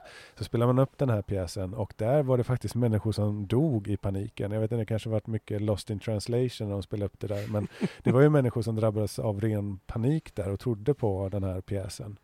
Eh, Och där dog det faktiskt människor i olyckor. Och sen dess har man väl eh, dragit öronen åt sig lite att eh, det kan orsaka panik. Jag tror ju inte Inte idag när vi är så avtrubbade. Nej, jag tror inte det heller. Det är inte många som tror att vi skulle, inte skulle kunna klara av att eh, höra det. Eh, när vi ändå är inne på ämnet, känner du till en poddare som heter Sam Harris?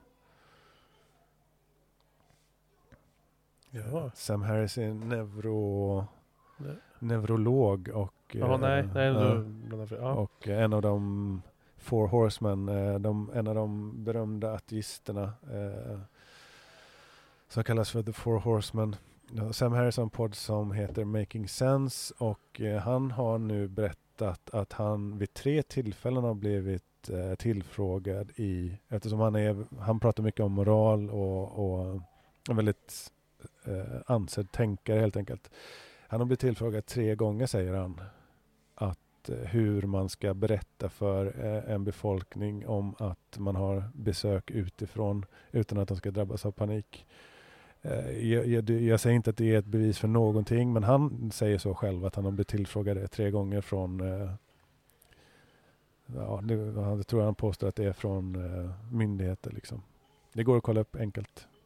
Ja, men det, och, ja, det var intressant. Mm. Ehm, mm. Nej, men, och, jag har all respekt för, för din upplevelse, och, och, eller vad, vad du har läst det till och sådär. Mm. Eh, det- Men det, det är svårt. Alltså det, Mm. jag gissar ju att efter det här, om inte jag blir lite indoktrinerad och lyssnar på din podd och fortsätter hänga Mm. med dig, så, så tänker jag att jag kommer, ja men gissningsvis kanske inte läsa på, eller jag kommer nog inte det, det vad jag tror.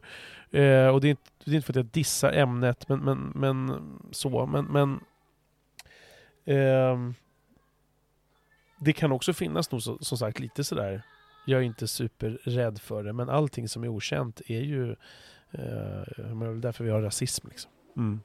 Det okända är ju jobbiga liksom. Det Mm. är jobbigt. Det slår man ifrån sig. Mm. Det ogillar man. Så är det ju. Så att, eh, ja.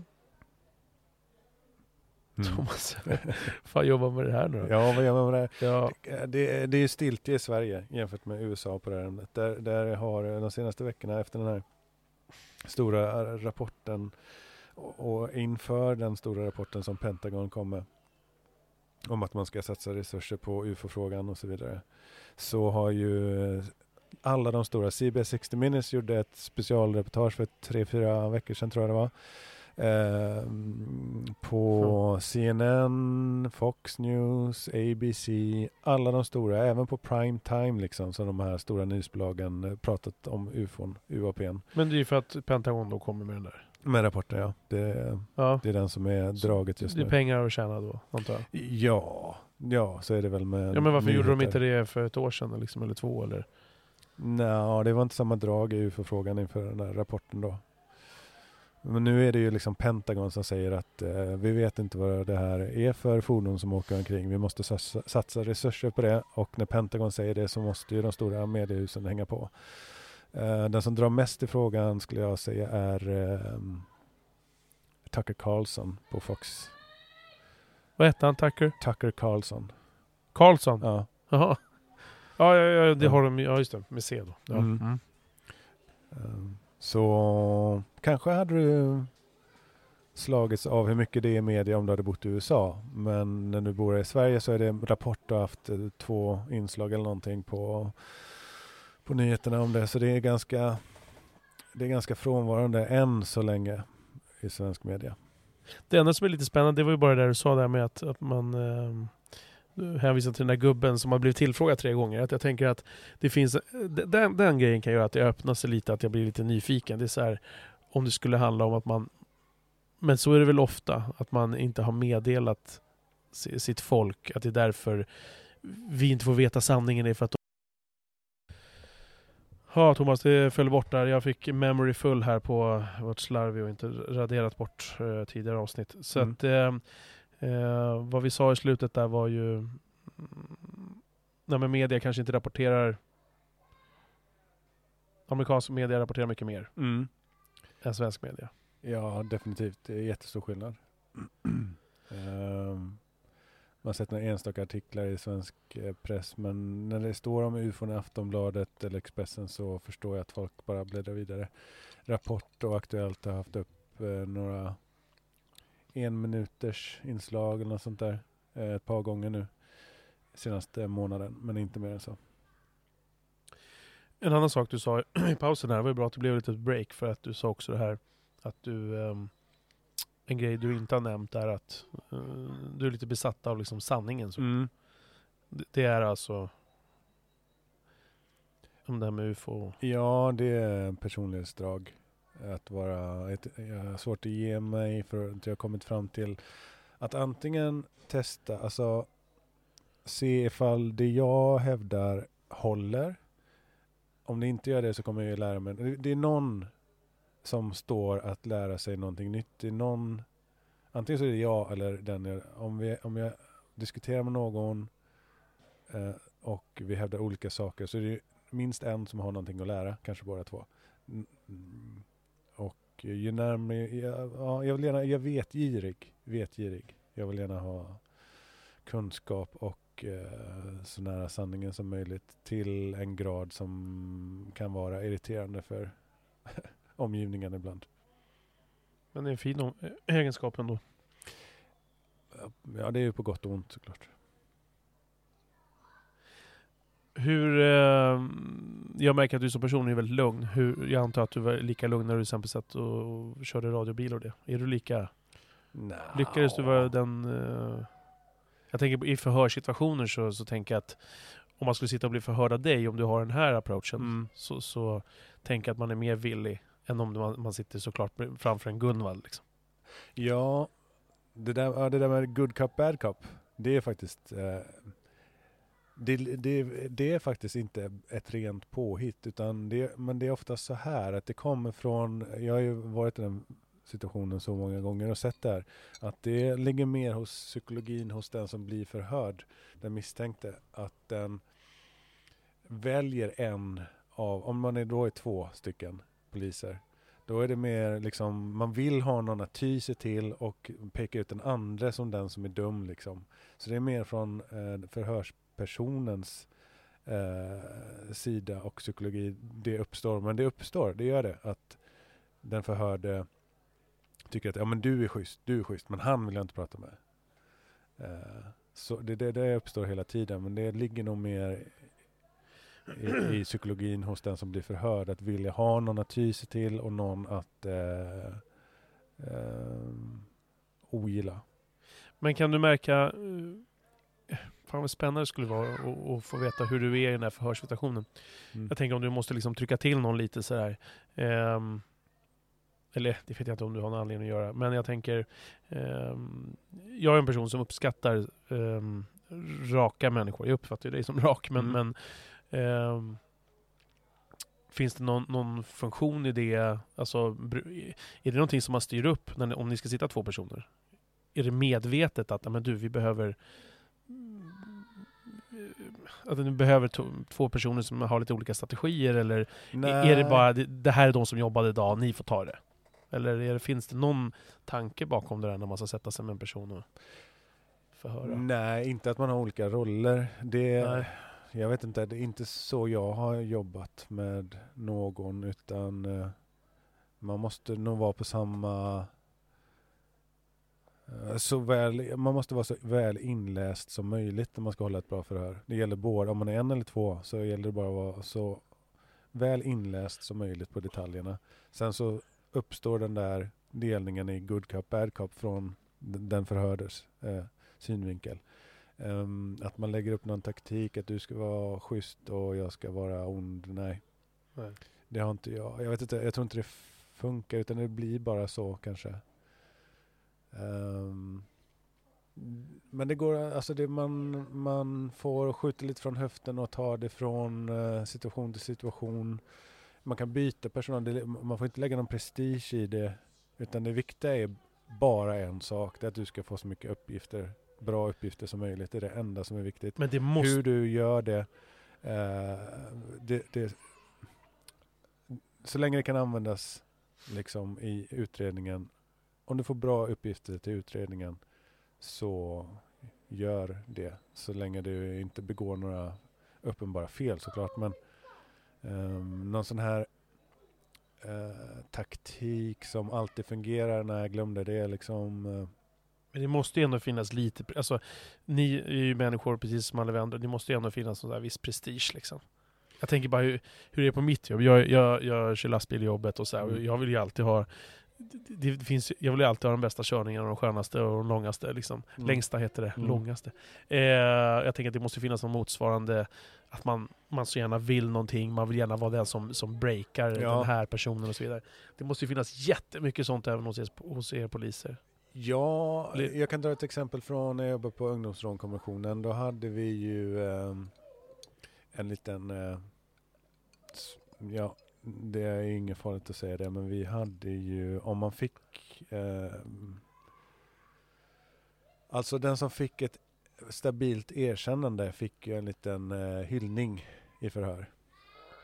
Alltså om man fick ett stabilt, ett bra erkännande i förhör så, så eh, hade vi en liten eh, eh, hyllningsceremoni för de som kom upp från arresten och, och hade ett bra erkännande. Eh, Hur, hur då? då? Klappa händerna, tårta? Ja, Bjuder på lunch. skimmade och lös med lampor och grejer. Men det där är, det står ju inte i, i eh, Polishögskolans handbok nej, att det är nej, så men man det ska är göra. klart. Men det, men det, det är klart, men eh, alltså man är bara glad för att eh, det kan ju vara ett case som inte har med att göra. Jag är bara glad för att de har lyckats med sin grej, liksom sin uppgift. Så prestige, prestige är... ja, men mellan kollegor, om, om, om, Ja, så här, alltså vem som ska få det och... och Jo men man vill ju att alla ska ja. vinna hela tiden. Det är det, liksom, så prestige kan ju vara negativt om man... Eh, du vill ju även att dina kollegor ska vinna varje dag liksom. Jo, jo, men du Ja. vill väl, sen vill man ju också sin egen individ. Jag tänker att man också vill ju, man blir ju ändå, det är, det är kul om, om, om Lotta där vinner det där, men, men det är ännu roligare om du vinner det och får, Ja det klart. Jag, får belöningen och ja. lampor och... Ja, ja men det och- där är ju bara win-win liksom. Om, om eh, jag eh, visar att ja, idag har jag fått tre erkännanden så har jag gjort ett jävligt bra jobb och, och det är inga problem. Men, men att vara, alltså missunnsamhet är bland det värsta jag vet i alla fall. Det finns inget, det finns inget värde, det är helt värdelöst med att vara missunnsam tycker jag. Oavsett vad det gäller i livet liksom. Missunnsamhet är bara en sån där käpphäst jag har att det ska man inte ägna sig åt. Det, det, Nej, och, och jag är ganska bra på det, Ja. Thomas. Okej. Och jag försöker jobba på det. ja. Nej men för att det är så här, eh, menar, i jobbsammanhang så är det verkligen så. Där vill jag ha liksom, det finns en rad, jag kan berätta för er sen när vi Mm. stänger om micken. Men, men eh, Där finns det för mig mycket så här. Jag, jag, där har jag lite svårt att känna glädje. Eh, Mm. För någon annans skull. Mm. För att jag ville så gärna ha det där. Mm. För att för mig betyder det så otroligt mycket. Mm.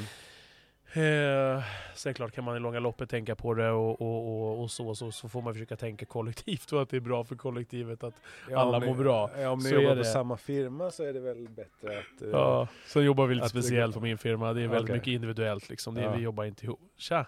Vi, vi, fuck you, hej. Eh, vi, vi, vi jobbar inte ihop liksom. Eh, så. Nej. Nu sa jag inte fuck you till Tompa utan nu sa jag fuck you till min granne. Ehm, ja. Nej men så att, eh, nej men det, det är bra att du säger det. För det där, det där ehm, jag tänkte såhär, ska, ska jag erkänna eller inte? Men, nej, men Mhm. jag, jag, jag har, det är en ful sida av mig. Att jag kan vara otroligt missunnsam. Så Ja. att, ehm, Jag, jag, jag, det är bra jag, att tror att det blir, jag tror att det är någonting att sträva efter, att inte Mm. eh, vara för missunnsamma. Så försöka vara så lite som möjligt. Att jag tycker det verkar, jag ser inga skäl för att det är något, skulle vara något positivt, utan det är mest negativt. Men ja, eh, happy-go-lucky, det är lätt att säga. Ibland är det svårt att göra. Ja men det är, det är ju inget, det är ju inget jag, det är ju bara någonting man på något sätt är, men sen så kan man definitivt jobba bort ifrån det liksom. Men, Mm. men eh, det är en stark känsla, eh, Mm. som andra starka känslor vi har pratat om idag. Mm. Men ehm, ja, du, eh, ja det var bara den där snuttgrejen jag, jag blev nyfiken på, på det Mm. eh, i slutet där. Mm. Eh, är det något mer med ufo-prylen som du känner att du, eller har vi, har vi liksom ändå jag känner ju ofta att jag tjatar hål i huvudet på folk. eh, Så att eh, jag måste lära mig att nöja mig med eh, ufo-snacket tills ni andra har förstått att det är på riktigt. Så att eh, ja, det övar jag på. Att inte vara för besatt med att andra ska vara intresserade och förstå hur fantastiskt det är som jag gör.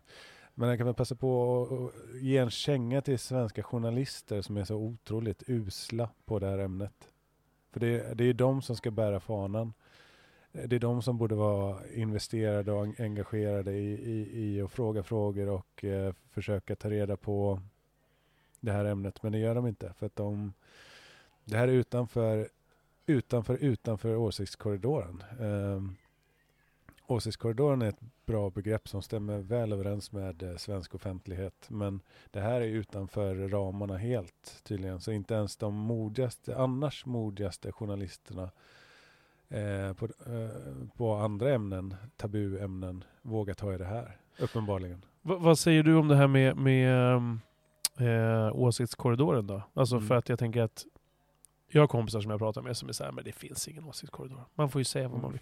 Så jag tycker det är super... Ja, du fnyser och garvar. Ja, jag blir arg när folk säger så. Ja men berätta, vad har du för Ja, tankar om det, det är klart att man får säga olika åsikter. Det har man alltid fått och så vidare. Vi vet var gränserna går. De går vid olika brott. Det är inte det åsiktskorridoren handlar om. Det handlar om att eh, personer, eh,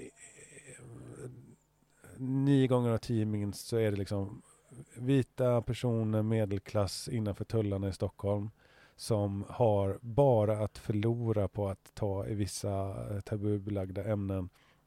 Och sen om någon annan gör det så ska man eh, hacka på den och eh, måla ut den som någonting, eh, alltså man är ohederlig i sin argumentation mot de personerna. Så att du riskerar ju inte fängelse, men du riskerar ju din anställning och anseende för att du kommer bli, om du går utanför åsiktskorridoren så kommer du få komma med ett socialt pris helt enkelt. Det är det som åsiktskorridoren handlar om. Att bara säga att du får säga så, ja enligt lagen får man säga så, men grejen med åsiktskorridoren är just det, att vissa saker har kommit med ett socialt pris. Mm. Mm. Så är det. Ja. Ja. Och bara där blir det en miss då. När, när, ena, eh, när, när någon eh, påstår att nej men det finns ingen åsiktskorridor. Jo Mm. men fast det finns det visst det. Mm. Jo men du får ju säga vad du vill. Alla säger ju det du säger Patrik. Mm. Jo jo, men vad är konsekvensen av det liksom? Mm. Eh, så att, ja. Det, då är ju frågan hur vi, återigen som det vi pratade om tidigare med polisen, eller med det som händer i Sverige och sådär. att Hur fan ska man liksom nå varandra när man inte ens kan vara överens om att det, är, det här är, är problematiskt att prata om? Ja men Mm. ni pratar ju om det hela tiden. Vad är Ja. problemet? Ja, men fast... Ja, det är, det är enkelt att säga att, att det pratas om, om ehm, ett problem. Ja, det pratas, men vad ligger, alltså, hur nära sanningen får man gå? Får man säga vissa saker som är väl belagda? Till exempel då att eh, migrationspolitiken, eh, flyktingpolitiken kostar en kostnad både på kort och lång sikt. Det vet vi. Det finns liksom inga undersökningar som, som bevisar eh, motsatsen. Vi vet att det är så nu. Men eh, att säga det kommer med ett pris. Och, och det, det, är det typ tio år sedan som eh, man inte, jag är så här kaninöron situationstecken nu, fick säga det liksom.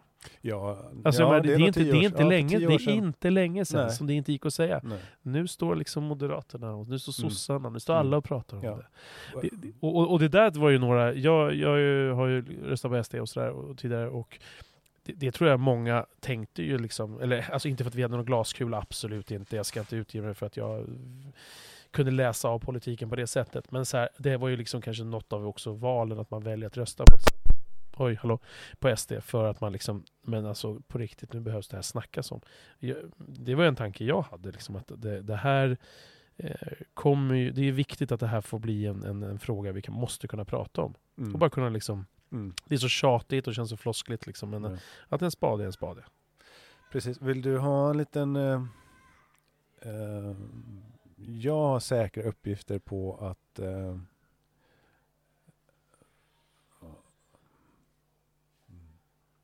Hur ska han formulera sig? mm, Fan vad spännande. mm, Tänk extra länge nu om det är någonting jävla slå Ja. på käft du har här. ja. Mm, Det här är Rubiks kuba, här vågar vi. ja.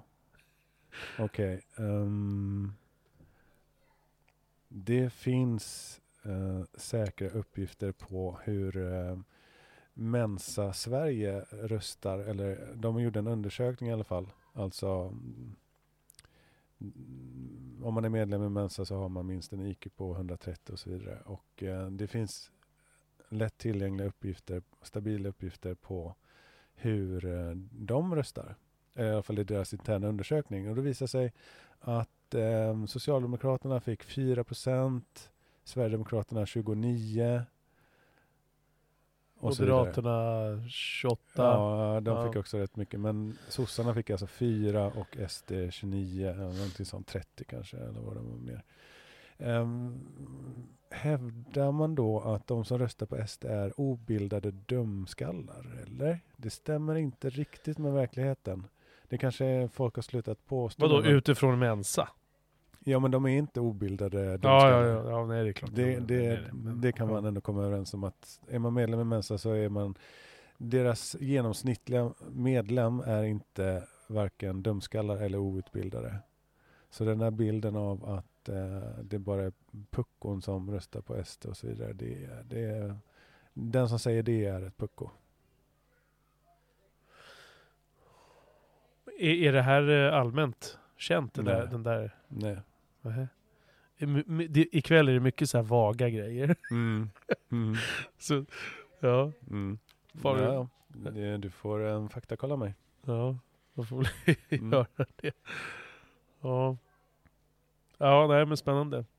Vad, vad röstar du på? Jag röstade på Hanif Bali senast. Mm, du person... Ja, Mm. jag gillar Bali. Mm. Ehm, Ja, Ja. Det, det, var någon, det var, någon, det var en, eh, en, en podd, Haveristerna, som ehm, där de nämnde att han inte hade gjort si och så mycket överhuvudtaget sen ett visst årtal. Att han typ inte har släppt, alltså, i, om det var någonting med motioner eller vad fan någonting. mhm. Han har inte gjort många, många knop vad jag förstår då, på länge. Men det finns ändå, det spelar ingen roll för att han via sitt, eh, sitt konto, liksom, sina sociala medier så, så kan ändå liksom sprida moderat politik. Liksom. Så att det, det spelar ingen roll för oss. Men, men ehm, Jag tycker det är svårt att hacka på honom att han inte skulle vara produktiv.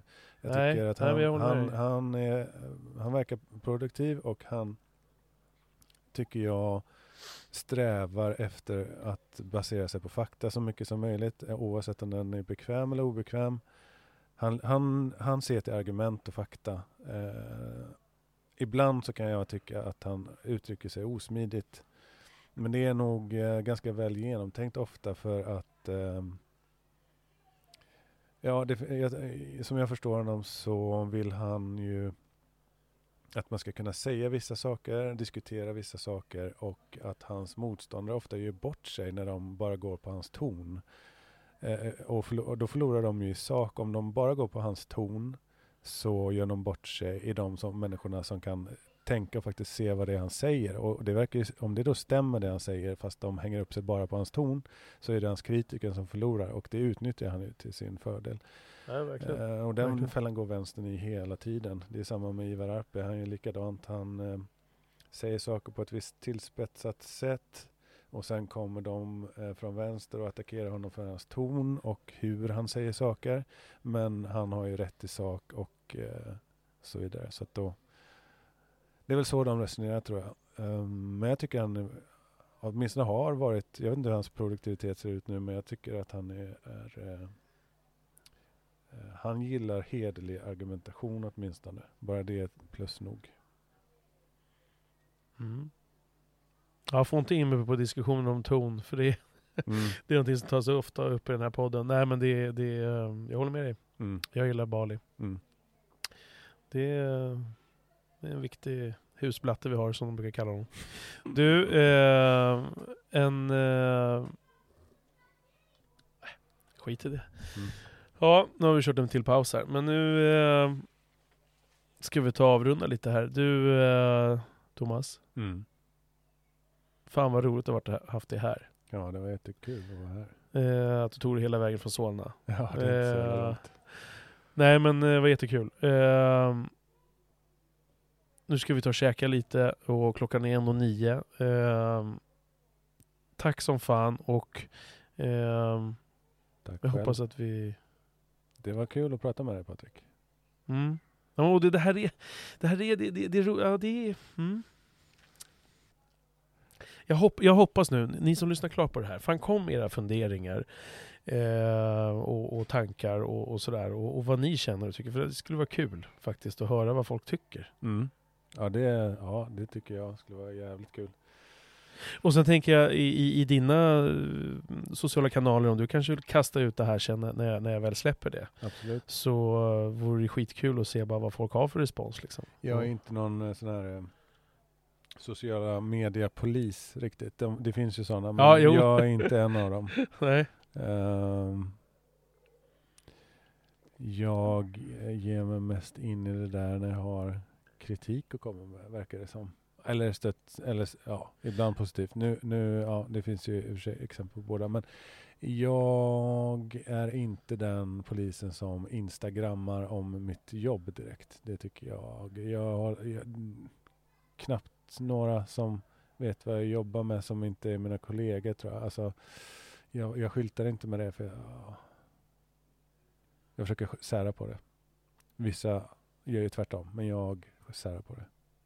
Men, men jag tänker eh, att, att de kanske, vissa ser väl en chans att kanske bli någon Instagram-stjärna. Eh, jag känner ju, eh, vad heter han, eh, doktorn.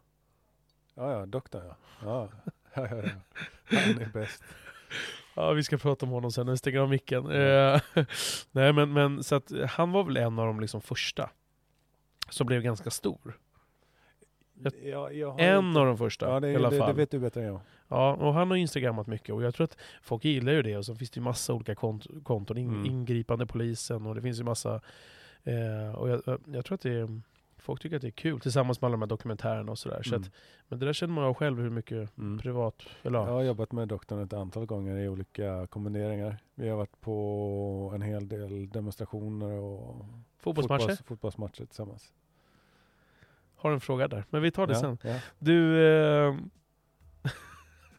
tack för att du kom Tova. Tack så mycket för att jag fick vara här Patrik. Vi eh, hörs och ses. Vi syns. Tja! Ciao!